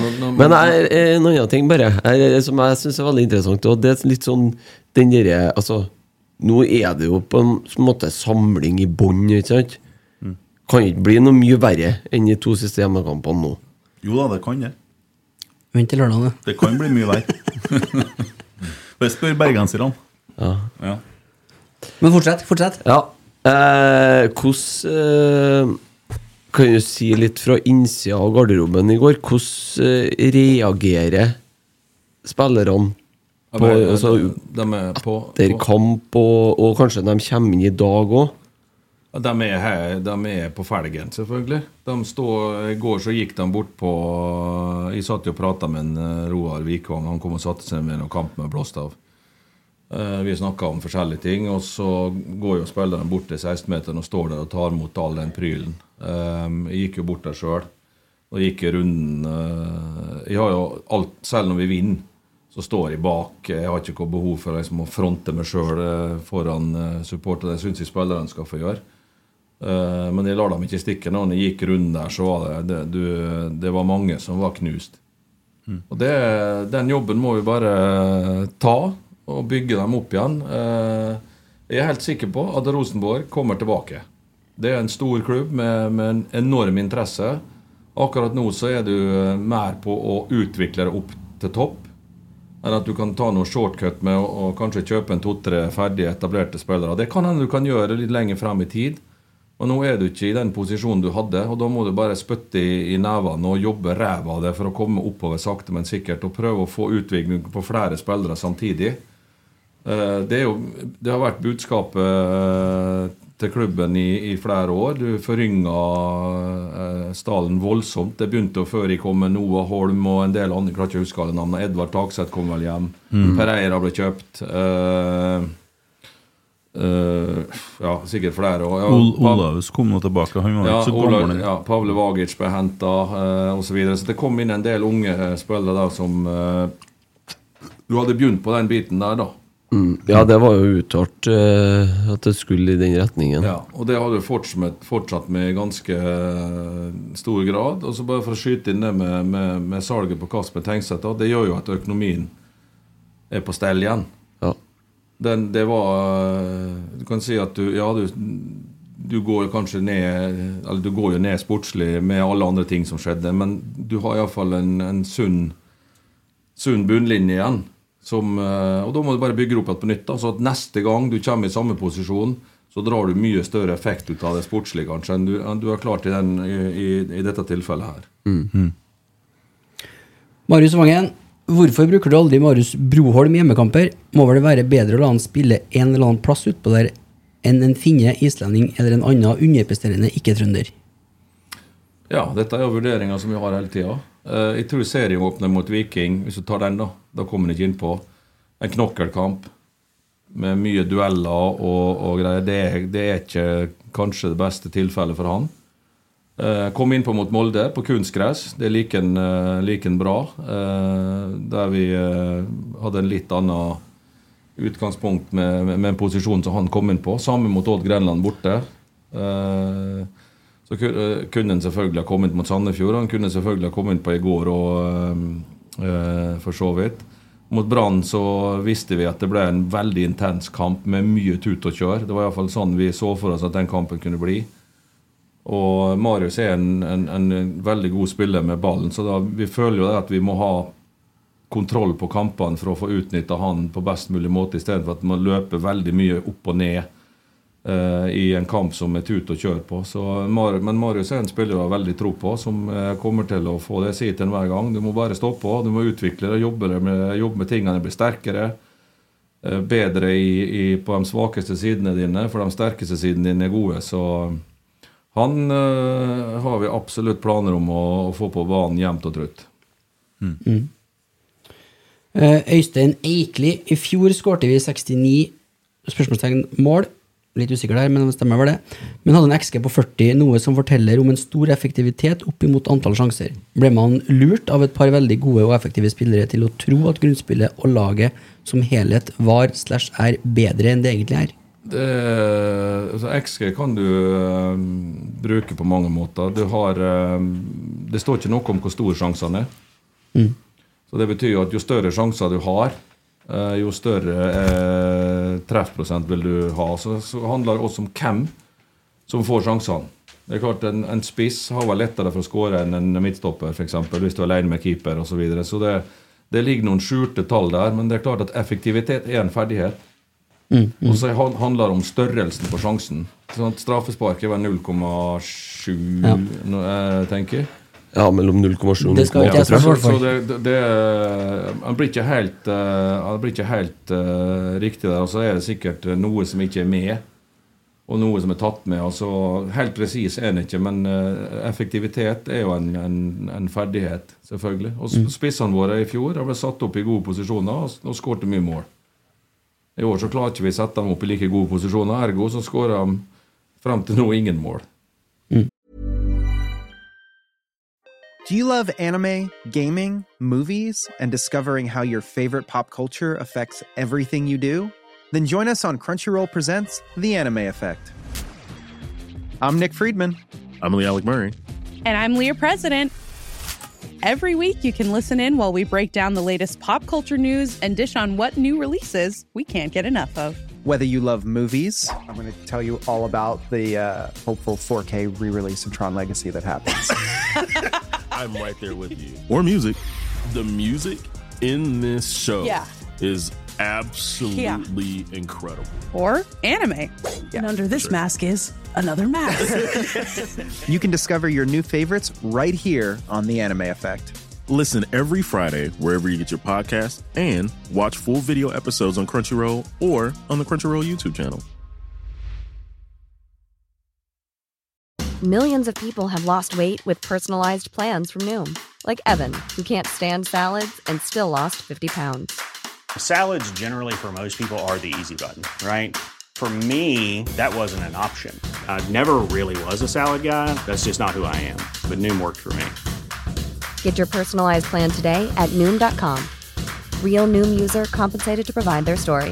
In four weeks, the typical Noom user can expect to lose one to two pounds per week. Individual results may vary. Hey, I'm Ryan Reynolds. At Mint Mobile, we like to do the opposite of what Big Wireless does. They charge you a lot, we charge you a little. So naturally, when they announced they'd be raising their prices due to inflation, we decided to deflate our prices due to not hating you. That's right. We're cutting the price of Mint Unlimited from $30 a month to just $15 a month. Give it a try at mintmobile.com slash switch. $45 upfront for three months plus taxes and fees. Promo rate for new customers for limited time. Unlimited more than 40 gigabytes per month. Slows. Full terms at mintmobile.com. Johan K. Det er vel Synseliga-Johan, er ikke det? Det tror jeg, ja. Johan Johan, det er en Johan i Synseligaen. Ja, ja, ja. Nelson og Sæter som midtspisspar sammen i 3-5-2. Fysikk og fart sammen. Nelson vil tro bakrom. Uh, vi må teste dette. Tanker rundt dette, Rekdal? Det kan godt hende, men først og fremst må jo Ole Sæter være tilgjengelig. Ja. Det, det er det. Ja, ja, jo, men det er det viktigste. Altså, det er helt umulig å snakke om spillere som ikke er tilgjengelige. Altså, forhåpentligvis er en tilgjengelig fra helga, så vi kan bare prate om Alternativet er dem som kan spille kamp. Og det har ikke han kunnet eh, så langt. Og så håper vi at han eh, blir tilgjengelig, for da kan det løsne litt med, med han rundt seg. For han eh, har jo litt eh, mer erfaring med hva, hva vi ønsker som, som midtspiss. da. Og så kan hende at han får en makker som kan lure seg litt rundt Ole og, og få litt eh, Litt annen oppmerksomhet enn nå. Mm. All oppmerksomhet på Ole, og så har du en spiss til der som eh, drar nytte av det. Mm. Fikk jo en særdeles hyggelig melding fra vår venn Noah Holm tidligere i uka, og litt sånn støttemelding om at eh, han mente at det var ingen trenere som var mer skikka enn til å få Rosenborg på fotene igjen, enn dem som er der i dag. Og det er veldig hyggelig, og det kommer fra en mann som nå er og spiller på et fransk lag oversatt til FK Hyssing. Ja, uh, Rem, ja. ja, og Reims. jeg må jo si at jeg er litt spent på utfallet der, fordi at det kan jo fort være at de velger å ikke benytte seg av opsjonen, og da har vi en Noah Holm tilbake på Lerkendal om Ja, ja. ikke så altfor lang tid, faktisk. Det er vel, eh, Når er han ferdig? Må det være juni? Ja, Men han kan ikke spille i Norge før august, tror jeg. Å ja, Det sånn, må- ja. kan. Så det- registreres her, vet du. Men, det, men det, det, er jo, det er jo ikke det med så Han kan jo havne i andre klubber, for det er sånn som jeg har skjønt det, så er det flere som vurderer eh, Noah. Mm. Så eh, om ikke Reims tar opsjon, så kan det dukke opp. Men ja, kommer tilbake, så kommer han tilbake. Det, er- det er ikke noe problem for oss, det. Nei. Ja, du, du selges, vet du. Faen. Nei, det var alt! Selg alt! Men blir det noe penger i kassen av eh, det, da? Nesten? Selvfølgelig blir det det. Ja. Ja. Det lover det Ja, nå, nå er vel den avtalen med Noah Holm erfart såpass mange ganger og så mye gærent Ja, ja. eh, Nei, men jeg har rett. Det, er, det, det står jo på rbk.no. tre, ikke tre noe millioner euro sto det i hvert fall i den uh, artikkelen den gangen. Han er på lån med opsjon, og hvis Ja. de velger å ikke benytte seg av opsjon, det er ikke noe sånn at de må kjøpe. Nei. Det står jo sort på hvitt på Ja, og den rbk.no. opsjonen er på tre millioner euro, Eriksen. Og det blir jo pluss i kassa, og da, er det, da er det bare å ringe Maribor. Det er bare, bare å håpe. Ja, Hvis du skal handle euro, så spiller det ikke noen rolle. Så. Men i utgangspunktet for å, så er det jo fint hvis krona kollapser, jo mer penger får du jo. Ja. Nå er Molde, på gang som de gjorde i fjor. nå 1-0. Ett Ja. skudd på mål. ja, ikke sant? Ja, HamKam eh, Skal vi ta eh, Molde leder 1-0 mot HamKam Ja, til pause? Resten er 0-0. Ja, Ja. riktig. Ja. Eh, nei, men det har vært artig. Og så går vi litt sånn tilbake i tid, dere om det, og så ringer vi til han i Maribor der, og så sier vi du må forresten jobbe litt for Ivar Kotteng for å få til lønn sjøl. Roar Strand må jo feier, og ja, det tar vi litt sånn Går ned til å bli sånn semiproff. Og Minion Kåre som var banemenn, hva er det? Eh, vet ikke Jeg Vidar Riseth jobba vel som eh, Nei, han var rørleggerlærling, han. Han var rørlegger, ja. Ja. Ja, men Kåre han var veldig glad og holdt på med banen, hvert fall, for han drev jo og så brukte han Anders og fikk hjelp og fikk lånt utstyr når han var trener på Ranheim forrige gang. Ja. men jeg tror de holdt på med De var spillere i Rosenborg, skjønt. de holdt på i For Den gangen var vel kommunen som eide banen. Mm. Det blir jo spennende å se om vi havner i en jævlig spesiell situasjon neste år, Emil. Vi har jo Rotsekkpodden, men så har vi jo bidratt litt til å få i gang en podkast som heter Driblevekk, som handler om Obos-ligaen. Og de gjør det jo veldig bra. De var jo ledende i Obos-podder i Norge, så jeg på en type liste denne plassen. Ja. Men hvis det her fortsetter, så blir jo vi konkurrenter til den podden, vi da. ja, det kan jo bli spennende. For da blir det jo et eh, utfordring med studiotid. Ja, det blir jo, det blir jo kamp samtidig. Det er jo helt snart, det. Eh, Apropos Obos, så har jo det skjedd litt der i dag òg. Start slo Hødd, og det betyr altså at Ranheim leder faktisk Obos-ligaen med 13 poeng foran Kristiansund med 12. Eh, og Sogndal ser ut som at de er litt på gang igjen, og Fredrikstad på nummer fire. da. Så Kristiansund har retta seg litt etter en litt horribel start. Så må jeg si at KFUM Oslo de ligger nederst, og det syns ikke jeg er så veldig overraskende, egentlig. Nei, det syns ikke jeg heller. Fordi at han, de mista han Isnes, og han tror er en utrolig dyktig Tre av beste spillerne sine nå. Jeg, jeg skulle til å si det. De har mista mange av de sine beste, så at de får en dupp, da Men der er det jo ny trener inn i Johannes Mosgaard. Jeg kjenner jo han, jeg hadde jo han som assistent i Vålerenga. Ja. Veldig oppegående, faglig sterk, fornuftig kar. Mm. Som da får eh, sin første trenerjobb på det nivået der, med ja, et svekka lag i forhold til fjorårssesongen. Mm. Det ble mål på Hamar. Ja, det blir sikkert eh, feil vei. Sikkert 0-2 der, da, tipper jeg. Så jeg skal tippe. Ja da. Så Nei, det var Viking, det. Viking, ja. ja, Viking og Salvesen. Offside. Offside Må, være- må være offside. Oh, ja. Du skjønner noe annet. Sto med handa opp. Ja, 2-0 til Molde, ja. Ja. De har ikke vært over midtbanen i andre gangen. Nei, altså. nei, det var ikke i første heller. HamKam Oi, Å, for et frispark. Der, ja, Flaks, det der. Ja, nei, det er jo ikke flaks, da, men det er flaks at du treffer der. Altså, Ekrem har jo en god fot, selvfølgelig, så, men det er jo Ja. Ja. Eh, spiller Berisha, og har han skåra ennå? Nei. Nei, han spiller ikke, han. Nei. Skada. Der er det jo, Vi snakka om en spiller til 40 millioner i stad. Eh, De har jo da eh, kjøpt en spiller til 40 millioner, og som vi ser, så følger ikke garanti med høye summer heller. At de skal levere målpoeng. Det gjør jo ikke det. Og de har jo tilsynelatende et har- mannskap rundt han som skal kunne gi en baller. Ja, men De har en fordel, da, for du har, du har tross alt erfaring og Mm. levert før. På, på det nivået. Han skåret masse mål for uh, Viking, vel. Ja. Så eh, Ja, men Han har jo hatt noen sånne merkelige runder, for han var jo ikke så spesielt god i Brann før han gikk til Viking. Og så Han har vært god i Viking i to perioder. Ja. Og så har han glimta til litt når han var borti Var det Rapid Wien han var, eller? Ja, var det sånn. Gråytefurt. det ja, en tur. eh, rundt omkring borti der. Ja. Da hadde han vel en bra start i Hammarby, og så var det stopp. Ja. Du, eh, kampen i går, for oss som ikke har nilest regelverket Ja. Den eh, fot på hand-situasjonen i, i 16-meteren til Til Vålerenga. mm, Vålerengen der. Ja, Ja. Hands-regelen har gitt opp, så det Jeg skjønner ikke det sjøl lenger. Altså, dere er også der ennå? Ja, for det, jeg, jeg mente jo at det skulle være et straffespark i første gangen her òg. ja. Og Tromsø ble snytt der. Han beholder jo handa ut fra Mm. Ja, kroppen ja. og stopper ballen som er på vei mot mål. Jeg skjønner ikke den ja, handsregelen. det er gitt opp. Jeg har gitt helt opp, hands-greia. Får bare bli som det blir, der eh, hands fram og tilbake, tenker jeg. ja.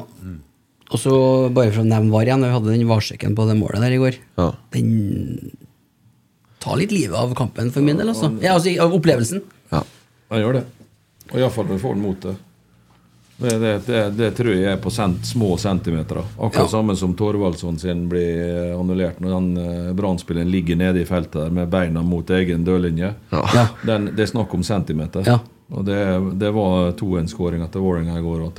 det er 50-50, tror jeg man gir den eller annullerer den. Men ja, det vi kan ikke bruke tida på det. Den der er der for å være der. Så det Sånn er det. vi kan være Jeg vil- jeg. Jeg vil tippe at eh, mest sannsynlig, hvis du ikke har hatt VAR og brukt det gamle regelverket som, te, som heter at det skal gå angripende lag i, i um, Favør. favør, så får du jo mål både på Thorvaldsson mot Brann. Den blir sikkert da godkjent, og den i går blir godkjent. Begge to. Eh, Norwegian Scout spør Det snakkes om langsiktig fokus på utvikling og prestasjoner, men samtidig kortsiktig fokus på at det er jævlig viktig å vinne neste kamp.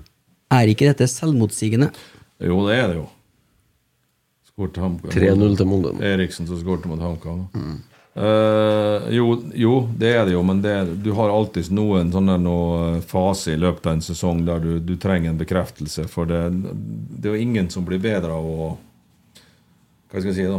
Tape kamper. Så du trenger å, å få en godfølelse med med eh, seier selvfølgelig innimellom her. Og her vi bør vi, vi ønsker å vinne alle kampene vi spiller, selvfølgelig. Så ja. Det er, jeg skjønner spørsmålet, men eh, du utvikler ikke med å tape og tape og tape. Det gjør du ikke. James Milley, hvorfor er du så sta på tre bak? Kan det være fire bak som er veien å gå? Ja, jeg var inne på det når vi, eh, når vi kom hit, da. Eh, Så satt jeg og Geir og så gjennom alle kampene til Rosenborg i sesongen før vi kom. Og sesongen før der, og sesongen før der. Og det vi så da i 4-3-3, så var Rosenborg veldig lite folk i og rundt 16-meteren til motstanderen. Du havna med to vinger bredt ute. Du fikk ikke indreløperne inn i boks, så det var ofte en spiss pluss en halv spiller der i tillegg, eller kanskje én. Eh, og når du spiller 3-5-2, da, så hvis du dominerer kampen, så har du to spisser, du har to indreløpere og du har eh, to wingbacker som er i og rundt 16-meteren, og så har du med en sidestopper på, på ballsida i tillegg. Og kanskje så kan du til og med sende anker inn. Så da får du et massivt trykk. da. Og eh, Hvis du husker noen av bildene på en del av målene vi skåret i fjor, så var vi sju-åtte mann i og rundt 16-meteren til motstanderen. Og da øker jo sjansen for å skåre, da. Så Husker- husker det, var litt, det, var, det går litt mer på det. Men som sagt, for meg, det, for meg så er det ikke noe prestisje å spille sånn eller sånn. eller sånn. Du spiller jo på den måten som du, du tror mannskapet ditt kan gi det størst suksess på. Jeg husker det var et poeng faktisk en par år. det. Vi snakka om at eh, spissene får jo ingenting. Det er jo ingen inni der. De har ikke noe å jobbe med. Vi snakka om det hele tida i poden her òg. Så det var, jo, det var jo mye fortvilelse rundt det. og jeg var skeptisk helt til vi sto på kjernen her, når dere forklarte forklart hva fordelene med 352 er. Og fikk jo se det til tider i fjor. Har ikke fått sett det så mye i år. Så har du da Jeg tror ikke at eh, Kasper Tengstedt hadde lyktes i, i like stor grad i 4-3-3 i Rosenborg som han gjorde med to spisser. Mm. For eksempel. Det er jo bare et, altså, det er jo bare en, den, den påstanden står jeg godt ved. Mm. Ja, det kan, jeg- Den eh, skal ikke jeg si deg imot på. Eh, Jeg er jo av den oppfatning av at eh, 4-3-3 som fungerer, eh, er Men at det er det beste systemet, men det er jo en sånn personlig er jo- mening jeg har. Og det, men jeg respekterer jo at du og Geir og Roar vil spille 3-5-2, 3-4-3. Det er jo ut- det det handler om. Det handler ikke om det- å spille 4-3-3 for å spille 4-3-3, liksom. Utførelsen er jo det viktigste. Hvordan, du, hvordan du klarer å bygge opp eh, spillet ditt, og hvordan du klarer å, å skape åpninger, og hvordan du klarer å sette press på motstander osv. osv. Og samme er det jo i eh, forsvarsspillet. Det jeg kan si da, Den største endringa i fotballen de siste tre-fire åra er motspillet. Det er mange lag nå som går opp høyt og presser motstanderen mann-mann på deres alder. Så det er blitt vanskeligere å, å, å på en måte komme seg gratis frem på motstanderens alder hvis et lag presser det høyt. For risikoen for eh, et balltap er jo ja, det er jo nesten rett på målet. Så Molde kommer her. Nei, det ble rødt kort. Ja. Rødt kort og straffe, ja. Rødt kort til HamKam og straffe. Det er bra klønete å Ligger finne. ligger under 3-0, så er det jo helt latterlig å lage straffe. da 23. Oi, oi, oi. Det er en Sjølstad, det. Ja.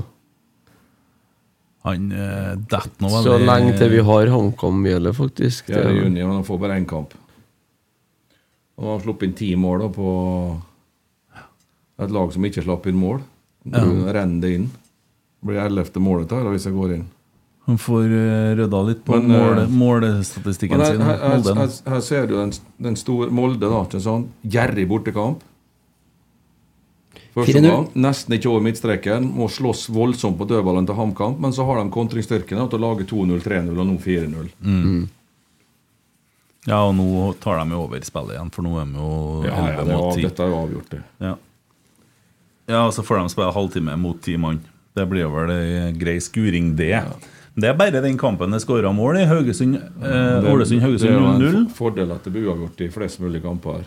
Ja, Han er klokka kvart over sju. Lillestrøm-Bodø-Glimt. Hvem vi skal holde med der, egentlig? Holder ikke med noen, dem. Uavgjort er fint, det. Uavgjort, da blir det borte. eh, Det forsvinner jo et poeng, da, men eh, Ja. jeg tror det beste vi kan gjøre, det er å konsentrere om oss sjøl. Jo, jo, det er jeg jo enig i. Ja, Emil? Kristian eh, Oteren.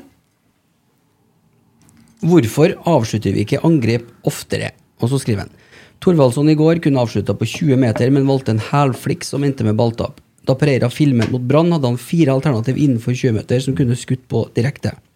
Kristal kunne skutt opp første touch før han filma. Påstanden, ja, men eh, Ja, nei, det er riktig, det. Vi Ja, men, opp, oppfordrer jo til eh, å avslutte angrep. Skyte, Skyt, eh, kan få en deflection. eh, det, det er mange ting Oi, nå Ålesund nærmer sitt første mål. Ja, de er nære, altså. De hadde noe feite først. ja, selvfølgelig. det oppfordres til det. Å skyte på mål, ja? Ja. ja, ja takk. Men, men Nei Det var dagens vanskeligste spørsmål. Jo, defensiv og angrepsmotvillig fotball. eh. Nei, men eh, den Kristian sier, det reagerer jeg litt på. For jeg snakka med en eh, Adrian dagen etter den kampen, og det han sier filming der Han blir jo tatt. Det, det er noe sånn eh, Bob Bob hvorvidt det er filming og sånn, da. Det er, det er en soft kontakt der. Mm. Så det, det er jo ikke Hadde vi fått straffe mot oss der, så tror jeg vi hadde revna i sinnet. Så det han, han er nok borti den, men ikke nok til at du skal Men det er klart at når du skifter retning, da, så skal det ikke så mye til heller, for du kommer ut av balanse. Mm. Så, eh, men eh, jeg syns at det var greit at de ikke dømte straffe. Jeg, skal, jeg mener at det skal litt mer til. Men eh, Det er jo noe som heter ikke straffe, ikke filming, da. ja, det er akkurat det. Vink spillet videre. Ja. Mm. Ja, eh, Adrian òg satt jeg og tenkte på i Odd-kampen, fordi at jeg syns innleggskvaliteten var veldig svak eh, til tider. Og Adrian han har jo vist gang på gang at han har en presis innleggsfot. Ja. Eh, men så forstår jeg at man er egentlig fornøyd med de 80 minuttene der man står veldig godt, så gjør vi noe feil. Men burde ikke Adrian ha kommet inn Jo, der? det, det kunne du eh, absolutt eh, ha stilt spørsmål rundt. Og dette er jo vurderinger som du tar eh, I fjor når vi gjorde endringer, så traff vi i, i ganske stor grad hver gang. Mm. I år når vi har gjort en del endringer, så har vi blitt stående på, på, på egentlig på samme samme nivå. ja. Så er det jo sånn Når du spiller 3-4-3, så er det jo viktig at wingbacken også er en midtbanespiller. Mm. Og Der er de litt mer naturlig inn i banen å være midtbanespiller enn Adrian, som er kanskje mer wingback langs linja. Så det, det går litt på seg tinga der. Men vi begynte jo å miste, vi jo å miste kampen der, da. Mm. På, eh, og det var jo vi sjøl som skapte sjansene til Odd med noen forferdelige balltap. Vi, vi drev og jaga seieren, eh, selvfølgelig, med et Odd-lag som la seg ned på egen, på egen eh, halvdel 30 meter fra mål Mm. og håpte på en kontring. Så vi, og vi drev og tålmodig drev og lette etter en åpning for å finne den ene skåringa. Så holdt vi på å tape på, på, tape på det, for vi tok for stor risiko. Eller Mm. det var noen stygge personlige balltap, så jeg vet ikke om jeg skal kalle det for stor risiko. Eller det var en personlig feil som uh, gjorde at Odd fikk to enorme sjanser på slutten. Mm. Så uh, ja, det, dette er jo sånne, sånne ting som vi internt evaluerer etter hver kamp. Har vi tatt ut rett lag? Bytta vi riktig? Eh, Men der er jo et kampbilde som jeg tror veldig mange trøndere er for, liker å se, da. Sånn som borte mot Odd. Når vi ligger der og styrer, og vi ligger jo egentlig som en sånn eh, klo rundt dem, ikke sant, ja. og klemmer. Men problemet er at eh, du får ikke de der stikkerne gjennom, eller de gjennombruddene. Det løsner ikke ordentlig. Nei, det er, det, det er to ting. nå. For det første så er det veldig tight og tett. Ja. Og så på et kunstgress så er det når det et vanna kunstgress, så skal du være ekstremt presis på en pasning som er kanskje 6-10 meter lang. Men vi er faktisk bak dem en del ganger, som vi burde fått mer eh, ut av. Vi har ett et fantastisk angrep der som eh, vi bygger opp helt bakfra og ruller dem opp. Og da hvis Eddie slår den ballen langs bakken, Ja. så er vi tre mann som står ja. åpent Mm. mål. Så det hadde jo vært eh, det fineste angrepet i år hvis vi hadde klart å fullført med, med en skåring der. Så innimellom så klarer vi å få til noe, men effekten ut av det den er jo altfor lav. Men det er angrepet til Markus og et godt angrep. Det man skyter over der, Ja, det er jo et godt angrep. Ja. Det, er jo, det er jo lange angrep, da. Ja. Men eh, så er det den derre missing link, da. Det er jo den, eh, den bevegelsen som vi kjenner så godt imellom back og midtstopper. Det er gjennombruddet gjennom der. Og det trekantspillet som er i, rundt, i og rundt 16-meteren til Ja. motstanderen ja. det er jo det som har mangla i år. Ja. Og det, jeg tror det er veldig mye av det som folk legger i artig angrepsvillig Ja, fotball. At man eh, dominerer motstanderen, at man får det spillet langs bakken der, og at man tør å spille seg ut bakfra. Det er jo det som er Ja, nei, altså, det er mot, Så du skal prøve å henge det på noen knagger òg. Det er ikke noe motsigende eh, hva vi prøver å få til til, eh, til det. Men, men akkurat nå så er vi ikke gode nok til å få det til. Ja. Det er det, det som er sannheten. Ja, er ærlig sagt, det. Ja, og så er det jo sånn at vi, eh, vi tror jo med tiden at vi skal nærme oss det igjen, og, og forhåpentligvis på et eller annet tidspunkt klare å levere det stort sett hver gang. Men har dere snakka nå etter det her kampene om at nå må vi gjøre en endring? Altså mener ikke jeg endring i forhold til at man sjonglerer med 3-5-2 og 3-4-3. Men altså er det snakk om noe annet, noe endring av treningskveld, altså endring på noe som helst vis? Jeg, jeg mener jo at vi har en veldig, og det er dokumentert, da, at vi har en veldig god treningshverdag med bra struktur, eh, der du trener i, eh, i stort sett eh, hele tida i relasjoner med den du skal spille med, og ut ifra den eh, posisjonen du spiller i. Mm. eh, hver eneste dag. Vi har tro på det over, over tid, at det skal gi deg. Så er det jo litt forskjellig. Noen ganger er det kortere områder du spiller på, noen ganger er det full bane du spiller på. Så vi er jo innom Jeg vet det var en som spurte om vi spilte altfor lite 11 mot 11. Det kan alltid diskuteres, men vi gjør det faktisk en ganske stor del. Mm. Og så er det noen av uka her så er det jo egentlig umulig å få trent på så veldig mye. Du går opp løypa på en del ting inn mot brannkampen når du kommer hjem fra Skien når du tre dager. mellom Brann og Vålerenga, så har du det samme. Da går du egentlig bare opp løypa sånn, på, en, på en litt fornuftig måte. Du kan ikke ha på å trene en time intensiv trening da. Det, det, da ødelegger du jo folk. Mm. Så- det prøvde man i USA-VM, gjorde ikke man det? Ja, vi, Prøvde litt Vi uh, trente oss i hæl med landslaget. Det, det det var på ambassaden dagen, dagen før kamp? var det? Ja, etterpå, dagen etterpå. Dagen etter, ja. Det var helt forferdelig. Men uh, ja, jeg vet jo hva Gjøran sier når dere trener. Mm. Ta bort småmålene, tren på mål. Det gjorde de da. Ja. Det, er, det er det han vil. Ja. Ja, men vi, altså det, vi trener jo på å bearbeide en motstander med, på mindre områder. For det, du, sånn som i går, når Vålerenga legger seg lavt, og det er deres rett. Mm. At vi da klarer å komme oss inn på deres, deres halvdel og så flytte ballen rundt til vi fi, finner åpningene eh, våre. og Det, det, er, det er tålmodighetsprøve. Det er klart Hvis du driver og mister den hele tida, så spiller du på det masse kontringer. da. Mm. Men det vi ikke er tøft nok til, det er når vi får litt plass og setter fart gjennom den åpninga som kommer. Der var vi bedre i fjor enn vi er akkurat nå. Da, hvis, du begynner, hvis du begynner å gjøre det, så begynner det å åpnes opp litt mer, og da plutselig så blir det større rom, og så kommer sjansene òg. Mm. ja. Ole er en sånn gærning. vet du. Det blir endring når han begynner å funke. seg igjen. Unnskyld. Jeg glemmer at han er tilbake, ja. Ja. Blitt litt, liten X-faktor der. Ja, Kanskje- ja, ja, ja, kanskje for neste all helg, del. kanskje neste helg. Han så ut som han var den som var kanskje lengst fram i vinter av, eh, av spissene våre. Mm. Det er det vi så av han i treningskampen. Ja. Det er jo for at han er innkjørt òg. Ja. Han har litt mer eh, Han trodde jo ikke at han kunne hevde, klare å spille med to spisser han, når vi begynte med det. Men, så har det gått bra, det. Ja. Og, og Kristal og Isak har jo fortrinnsvis spilt midtbane og wing, har ikke de det? Ja, innimellom, ja. Ja. Kristal kunne ha spilt litt indreløper, og, og Isak har spilt litt eh, venstre ving. Ja.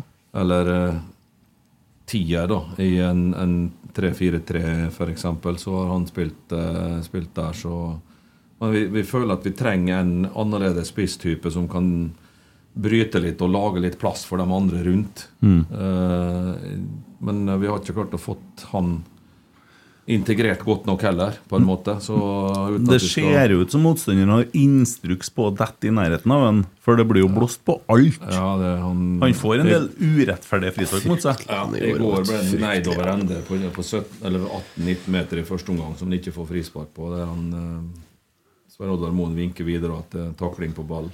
Ja. Men sånn er det, og det, vi, det, vi slipper jo unna noen sånne situasjoner. Han fikk mye frispark igjen mot seg igjen i går òg, da. Ja. Gjorde det, altså. Ja. ja. Torsdagsbikkja, eller? Ja, og har vi han, ja? Nei, ja, ja, men skal, skal du ha Skal du ha litt uh, torsdagsbikkja? Ja. Litt off topic. Eh, Kjetil, da Niklas var yngre og overnatta hos Tobias, ringte du ofte far Sven Jale for å høre om tannpuss var gjennomført og generell oppførsel var god. Som morfar vil du bli en streng eller kjærlig type? Eh, Begge deler. det, det, det, jeg tror det er naturlig. At du bidrar med din livserfaring til eh, barn som eh, Du skal jo være snill, selvfølgelig, men du kan ikke være oversnill heller. Du må, de må eh, lære seg hvordan livet skal bli, dem òg. Rett og slett. Ja. Jon Barseth, hvorfor får Rogers tillit hele tiden når han kamp etter kamp er matchavgjørende med hjerneblødningspasninger og fryktelig posisjone- posisjonering? Hvorfor starte på Lerkendal mot bunnlaget VIF med så mange defensivt anlagte spillere? To igjen her, da. ja eh, Jeg vet ikke om jeg er helt enig i det, men eh, jeg Påstand, det òg. Ja, det, det er jo litt uh, har jo litt med eh, Det er kamp tre ei uke på, med tredje kamp på seks dager.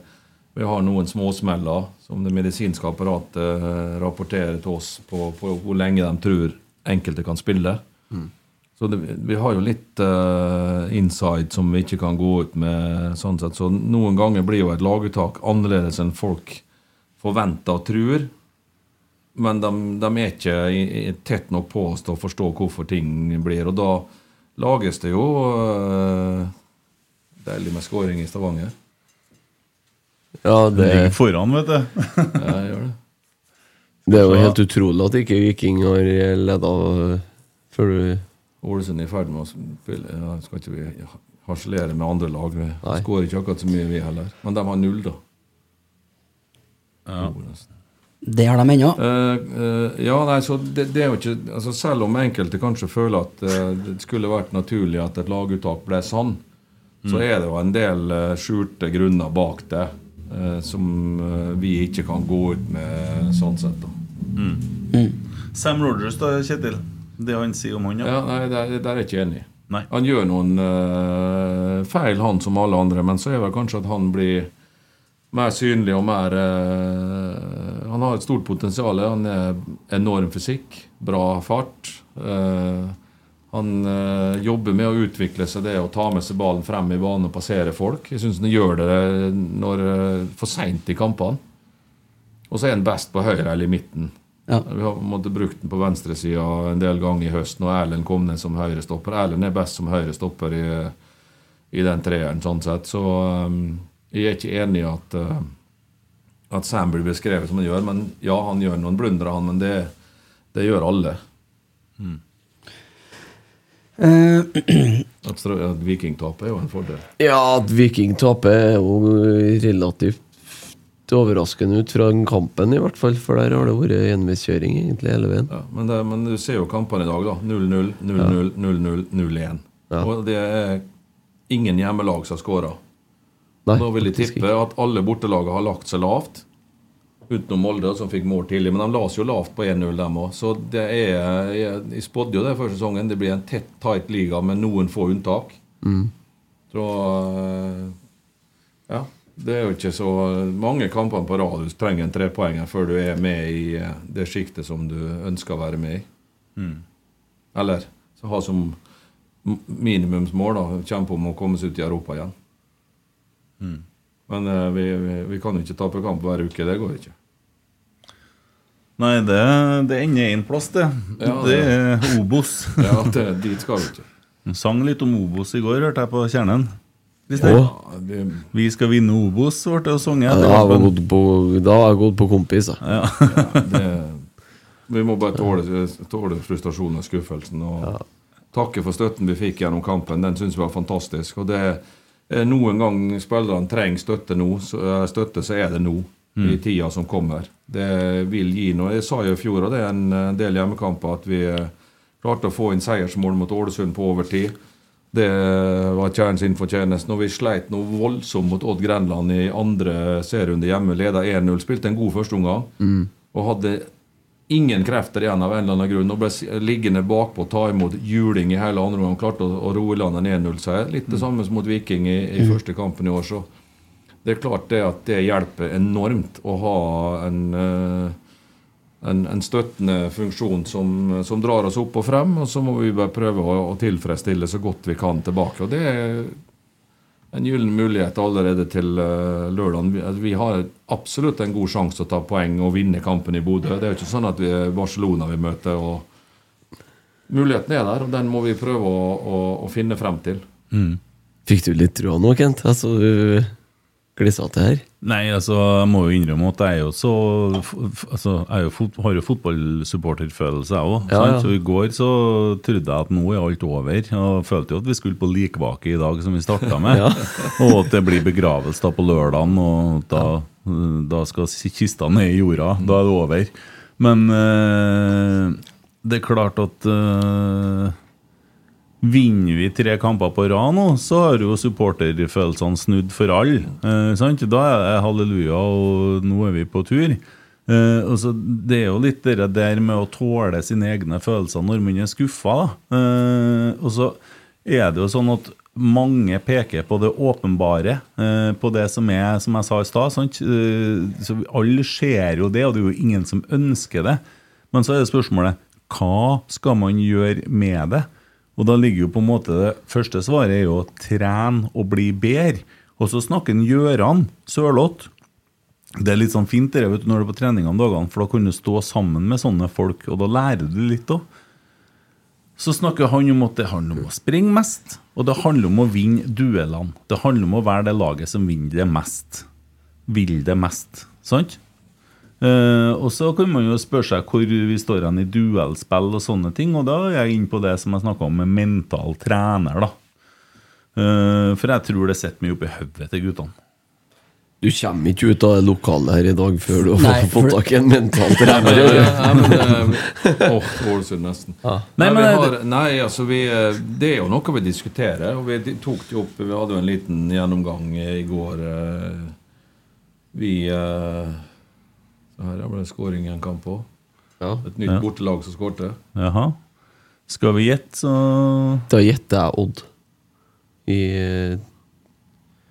Nei Men det var vel feil, da, sikkert. Bedre Haugesund, ja. Vi får følge med. Vi får Ja, følge vi med. får se. Eh, ja, da er det i så fall synd på Ålesund, det må jeg si. Og Lars Arne Nilsen han henger jo holdt på å si en tynn tråd, han òg, Kjetil. Ja, det, det, det er han sånn som han ble Nei, det var, Det var faktisk Odd, ja. Odd, ja. ja. ja. Han var glad. Ja, Han er ikke gammel, gammel han her. Er Den- Dennis To Odd-supportere oppi Ja, det er ektepar som har tatt turen opp, ja. Nei, jeg tror de, de bor der, ja. Men, men eh, altså én, to, tre, fire Det er fem kamper som spilles nå. Ingen av hjemmelagene er skåra. Mm. Det viser jo hvor uh,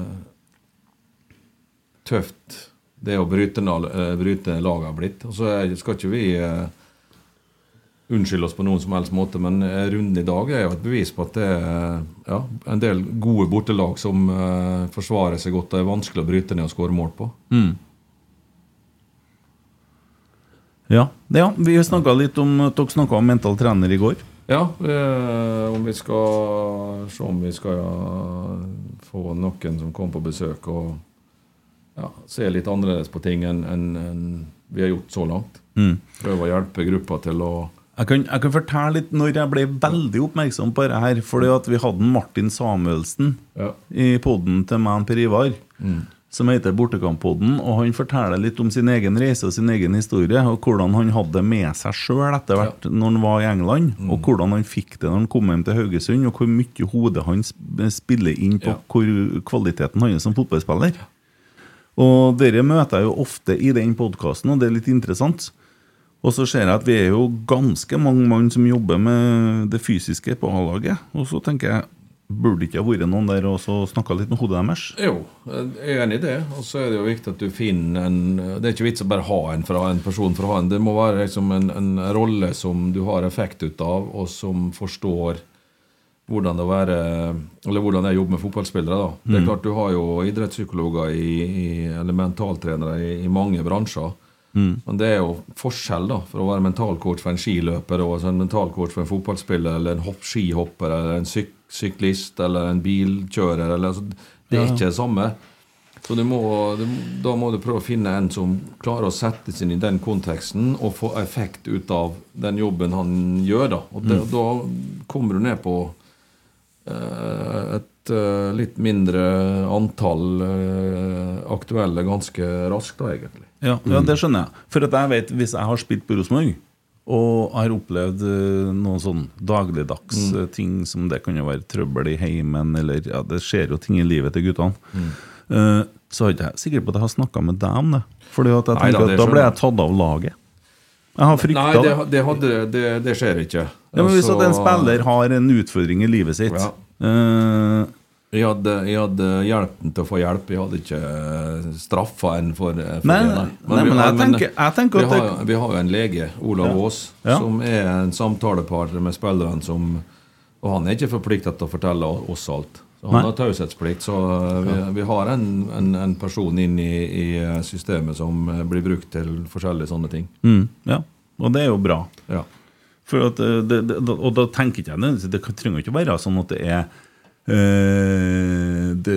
store, dramatiske ting, men det kan være ting som påvirker deg i hverdagen. da. Isak og bil, billånet begynner, å komme inn litt eh, Nå må jeg selge bil, det er tøft. Ja, men eh, Litt flåsete sagt, dere der, men eh, det er interessant, da. Ja, det. Og det har jo fokusert mye på det i andre Ja, det- plasser jeg har vært på. Det ja, det, det er klart at når jeg var 18, 19, 20, 21 år, 22 år, så var det ikke sånn som det er nå. Nei. For da um, kom avisa ut på lørdagen, og så var det en liten notis om kampen. Nå er det Twitter, det er Facebook, det er Instagram og det er Internett, og du blir bombardert med alt. Så det er klart at eh, påkjenninga for eh, Og dem er, dette mange av dem er jo veldig ambisiøse. Mm. Eh, og, og leve under, har egne ambisjoner, agent som har ambisjoner, foreldre som har ambisjoner, og kanskje søsken og venner som har ambisjoner, så klarer du kanskje ikke å levere det du skal. Det er et enormt press som har vokst fram. Mm. Og det, det, det skal ikke undervurderes. Nei. Så um, besinn seg når du, når, når du er misfornøyd. Hvordan har det der endra seg? Nå har jo du vært fotballtrener i snart 20 år i, på toppnivå. Ja. Hvordan har det endra seg? Det er jo egentlig en generasjon, det. Ja.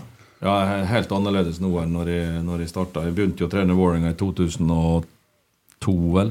Ja, Nei, for ja, én òg, ja. Ja, 2001. Og da uh, var det jo voksne gutter som uh, Ja, unge gutter òg som Ja, men det har liksom leasingbil, første kontrakten, store planer, proff så fort som mulig. Får ikke spille til hele tida, så er det treneren er dum, klubben er feil, laget Alt er gærent. Altså, da, og agenter som presser på. Du, du, du har så mange faktorer som, som er inne i en sånn smørje nå som du må forholde deg til, som er ekstremt krevende i forhold til det var når du, når du, ja, når du begynte som trener for eh, litt over 20 år siden.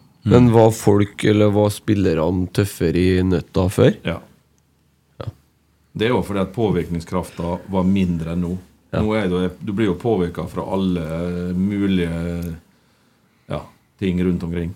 Ja, så er det jo prisen man betaler med større åpenhet òg, Christer. Eh, altså, det virker som yngre folk er mye mer skjør. Og det, blir, det, det har jo vært mer fokus på det, og da får du mer av det òg, skal du si. Altså, Ja. Før fikk vi Vi sier det jo ofte på tull i kompisgjengen, eh, nå må du skjerpe deg, sant. Mens nå er det Ja, det er tøffere, tror jeg. Mye tøffere. Ja, det er vel ikke noe tvil om det. At det man blir påvirka av flere, flere faktorer. Men hva er det noe tre, altså, Trener man på noe mentalt? Går det an å spørre om det? Det var kanskje et et klønete spørsmål, men Altså, vi har jo Ja, når du har mentalcoach og eh, sånt, så har du nok det. Olav er jo en, en Olav også er en viktig samtalepartner med mange. Men vi har jo spillersamtaler jevnlig Mm. eh, om eh, ikke nødvendigvis bare fotball, men også hvordan det går privat. Hva slags ambisjoner han har, eh, hva de forventer av oss, hva vi forventer av en spiller. Det har du fire ganger i året. Eh, og så er det jo eh, coaching daglig på feltet, på spillemøter, på evalueringer, eh, og kanskje ettertrening når du snakker om situasjoner osv. Så, videre. så vi har jo en fordel der, da, men det er jo Du er jo på forskjellige stadier, mange her nå, sånn at eh, ja, Og forskjellige ambisjoner, forskjellige ønsker osv. Så, videre. så det er, jo, det er jo en bransje der det er umulig at alle er fornøyd. Det er alltid noen som føles forbigått eller ikke satser på eller får for lite osv. Så, videre. så du, du må fange opp og prøve å få sett alle. Et nytt bortelag som til. Mm. Eh, hvordan, eh, hvordan tar du vare på deg sjøl, Kjetil? Eh, Du bor jo uten familien her. Faktisk Sarpsborg 08 som skårer mot Stabæk. Du bor jo uten familien på Solsiden i Trondheim, og ja, morfar har du blitt. Og, Ja. ja, har du møtt barnebarnet? Eh, nei, jeg har Nei. bare sett livebildet og prata med Ja, nei, det, det, det er beintøft, selvfølgelig. Eh, men jeg har jo litt mer erfaring enn mange da, med akkurat det. Og så er det jo eh, Det er jo en jobb du, du elsker å holde på med. Og så må du også sette det i perspektiv. Det er ingen, uh, ingen som vinner alle. Det er ingen som går gjennom bare solskinnsdager. Det, det kommer tøffe perioder. Noen ganger så klarer du å løse det fint, andre ganger så klarer du ikke å løse det. Sånt skjer. Ja, du, du må bare prøve å, å koble det ut. da. Uh, Så får du bare ta all den dritten du får, og så en dag så er det over. Mm. Da er det noen andre som får den samme dritten. Eh, og så går du kanskje en annen plass, og så utligner Viking.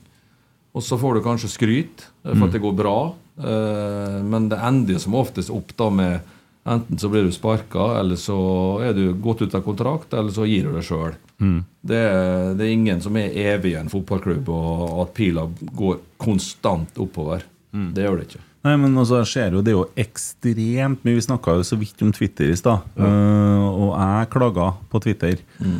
Eh, men steike hvor du får kjørt deg på Twitter. Er Ja, ikke har, det, har du lest det, altså? Uh, Jeg ser ikke på Twitter. Jeg, jeg ja, vi snakka om det tidligere Ja, her. Altså, du, du, du får jo ja, ofte noe, Noen går jo ganske langt.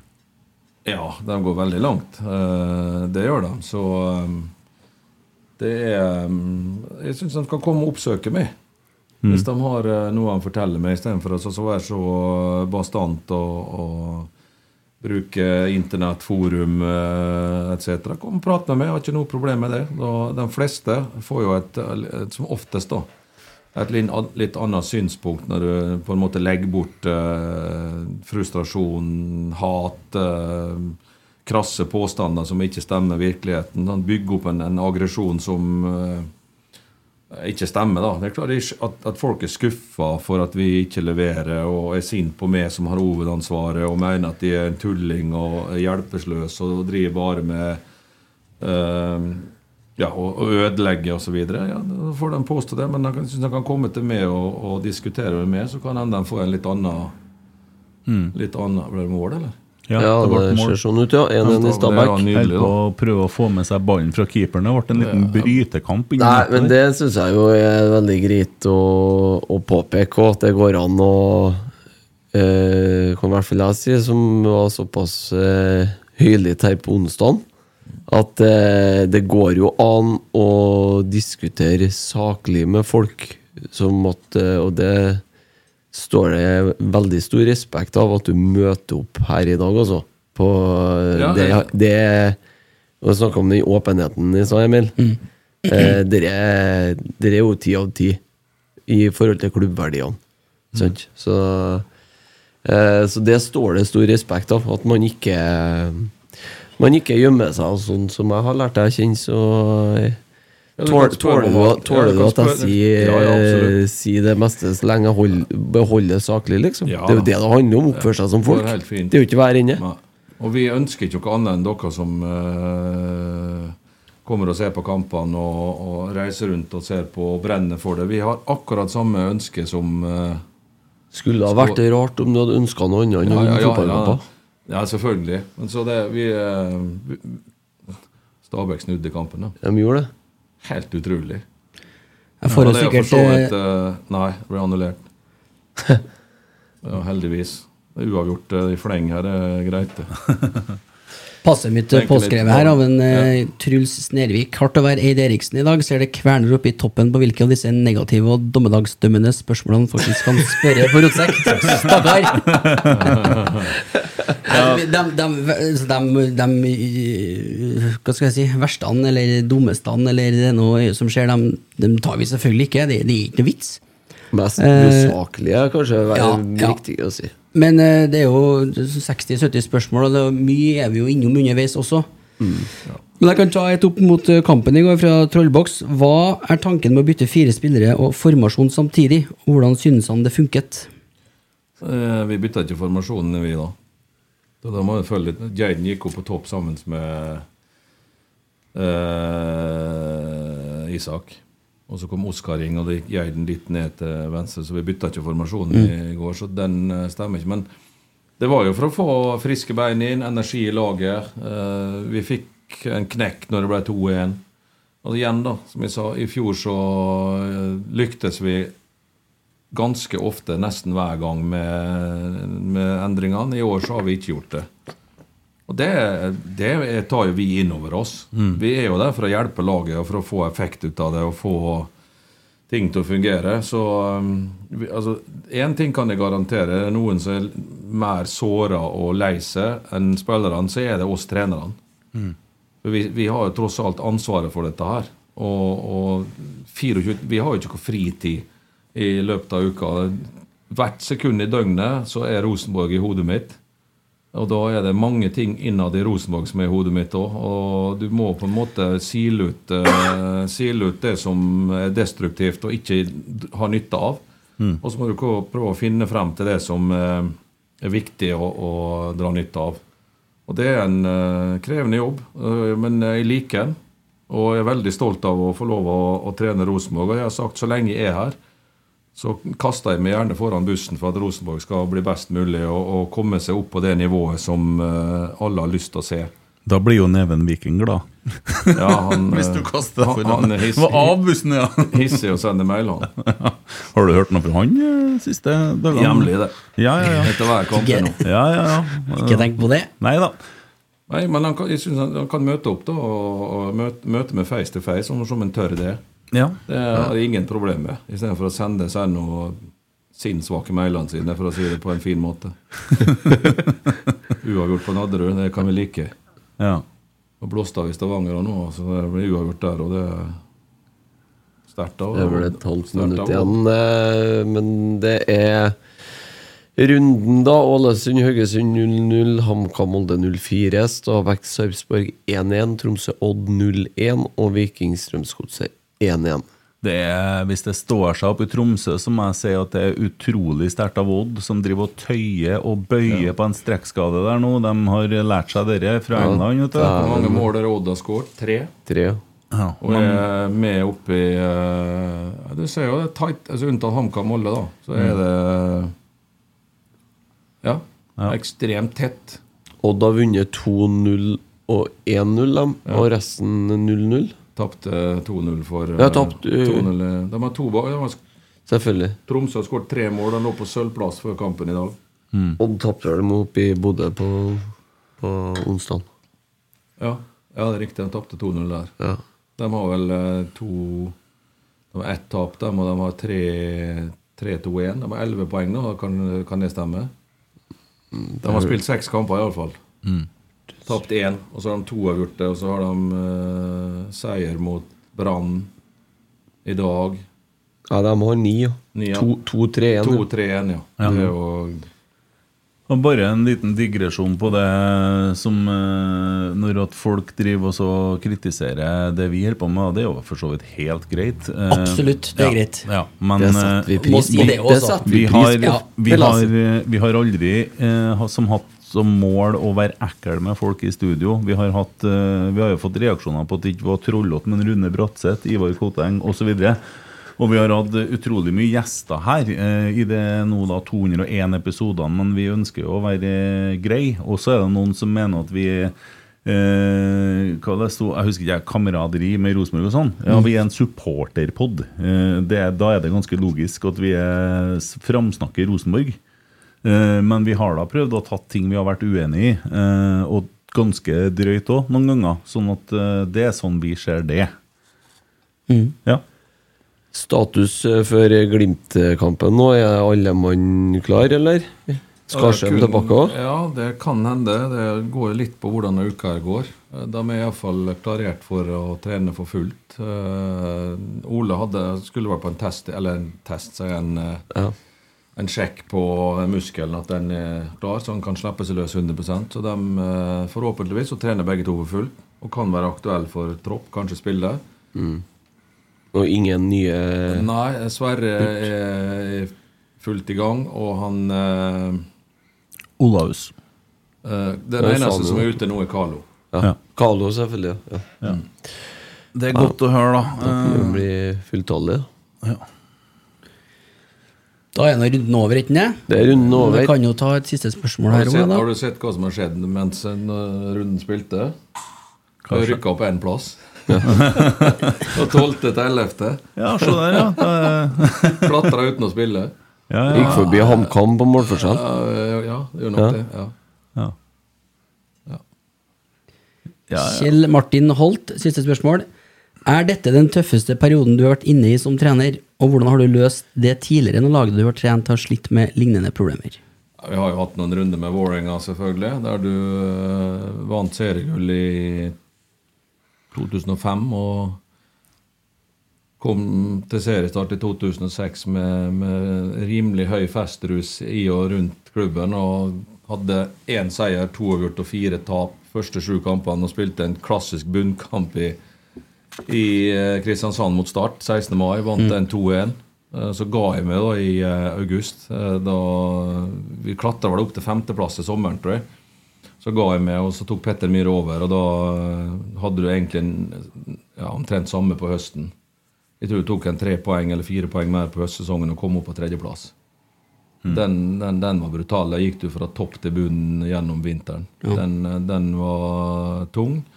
Og så kan jeg godt si eh, eh, Men der gikk jo bra først. da Lirse jeg begynte der, hadde to poeng etter 13 kamper.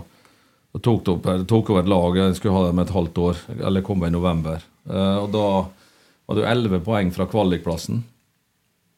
Vi har, altså, si- don- dønn sist, og så klarte vi å komme oss forbi det ene laget i siste serien, vant 4-1.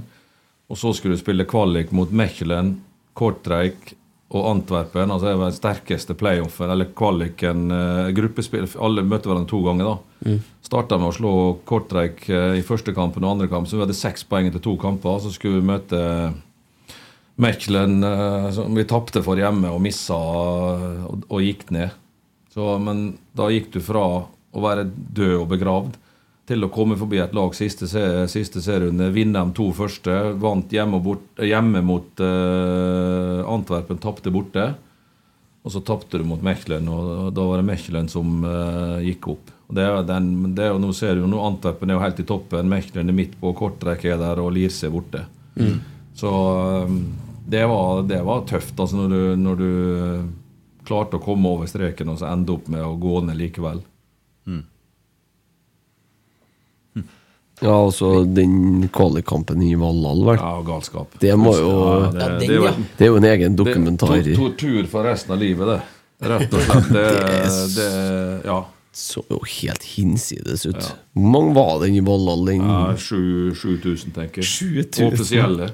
Mm. Og det var nok mer enn det. Tror jeg. Tror det var mange som sneik seg inn der. Ble det ikke litt lurt med at den kampen ble inne i hallen der?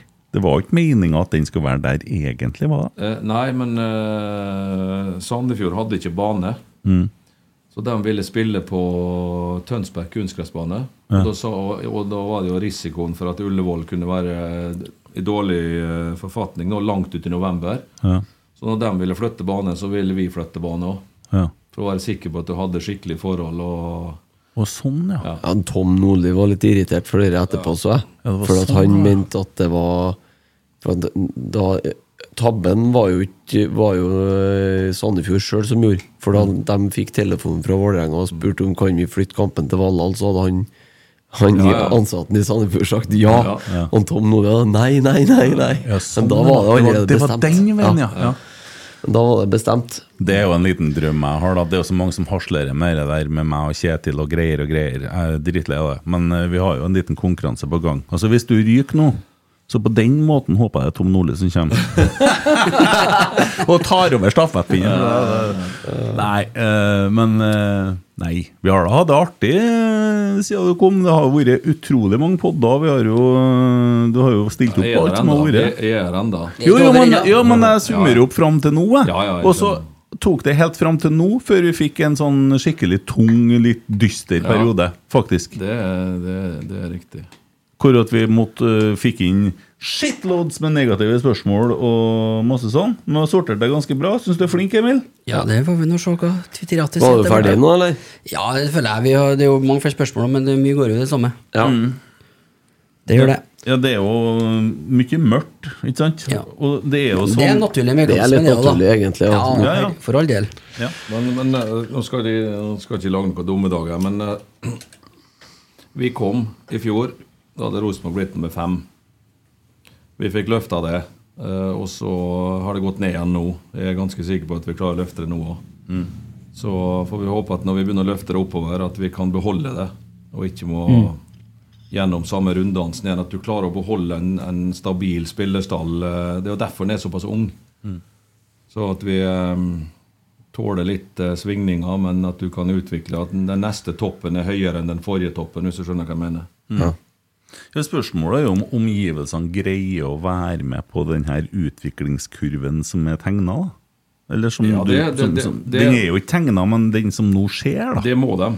Ja. Uavhengig av eh, hvem som driver med det. Jeg, altså, jeg har, dette handler ikke om meg, men det er klart hvis du ikke vinner kamper i, i den bransjen her, du, eh, så eh, vet alle hvordan mekanismene fungerer. Det, det har jeg null problem med. Mm. Så, men kursen til Rosenborg den, den står jo stødig, uavhengig hvem som trener laget. Mm. Du må gjennom samme prosessen uansett, sånn som status er akkurat nå. Mm. Det vil ikke endre seg. Så min jobb er å få den til å bli at det, det, teamet som er der nå, som klarer å dra det gjennom det nåløyet. Mm. Hvis ikke, så er det noen andre som må gjøre det. på et eller annet tidspunkt. Sånn er det bare. Jeg tror jo dere klarer det, jeg, da. Ja, ellers har vi ikke sittet her.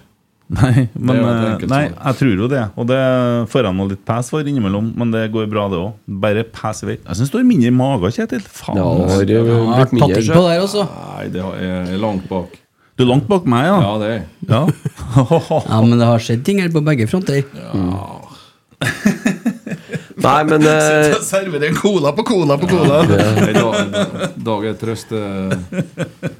16 eh, billetter igjen på bortefeltet i Bodø. Ja, det er ikke sikkert det er noe lenger, nei. Ikke sikkert det er noe. Kanskje det er ni? Vi får se.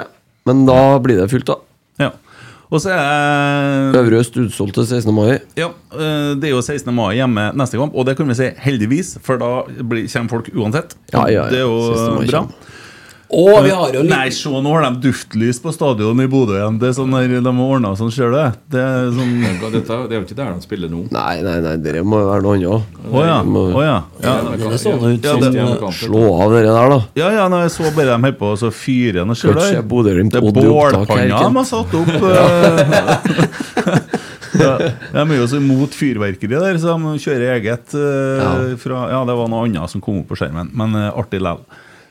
Ja, eh, slipp en liten ting, da. Eh, 16. mai, ja, som vi snakka om. Eh, da skal Rotsekk kommentere kampen oppe i, oppe i bua. Og eh, den kampen er det da Kim Ruud Pedersen som kommenterer. Sammen med Tommy Oppdal. Sammen med Tommy Oppdal, selvsagt. Men da blir jeg litt god, gammel form oppi Det blir nostalgi, altså. Det blir nostalgi. Så får vi håpe at det blir sånne lange mål. Skulle nesten ha bare hatt med den da på indre bane. Bjørn Sch- er han. Kanskje han skal endre banestillinga litt? han? Ja, dæven, Ja, du. Jeg skal det Ja, det hadde vært herlig.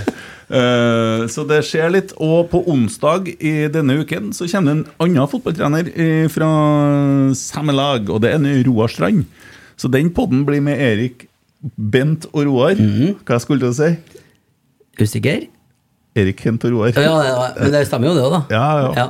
Eh, Erik Bent og Kent og Roar. Ja, og da er det bare å sende inn spørsmål, og da kan vi også diskutere litt av det tingene vi har snakket om nå. Og det blir jo litt artig å kunne høre synspunktene til de gamle veteranene, eh, hvordan de ser det fra utsida. Og Da blir du hjemme alene da, sammen med dem her. Det blir jeg. Ja. Uh, men skal klare å lose det. Takker for alle fine meldinger som vi har fått til å klappe på skuldra og sånn. Det kommer gjerne mer i privat innboks enn offentlig, men det går helt fint. Det har kommet noen nå under sendinga òg. Ja, det setter vi stor pris på. Det er koselig, det. Ja. Tror dere at vi holder på å bli ferdig? Ja, Ja. det begynner vi å bli. Kjenner jeg deg rett, så skal vi på dass nå. Det er noe med å sitte og holde I, eh, Derfor ble jeg stille. ta med at toelaget spiller mot Verdalen borte i morgen. Verdalen. For dem som har lyst til å få kjøre dit. Ja. Ja. Kjetil, tusen hjertelig takk for at du tok turen. Bare hyggelig. Tusen takk.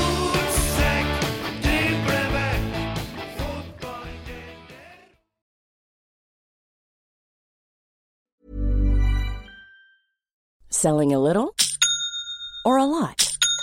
Shopify helps you do your thing however you cha-ching. Shopify is the global commerce platform that helps you sell at every stage of your business. From the launch your online shop stage to the first real life store stage, all the way to the did we just hit a million orders stage. Shopify is there to help you grow. Shopify helps you turn browsers into buyers with the internet's best converting checkout. 36% better on average compared to other leading commerce platforms because businesses that grow grow with Shopify. Get a $1 per month trial period at shopify.com/work. shopify.com/work.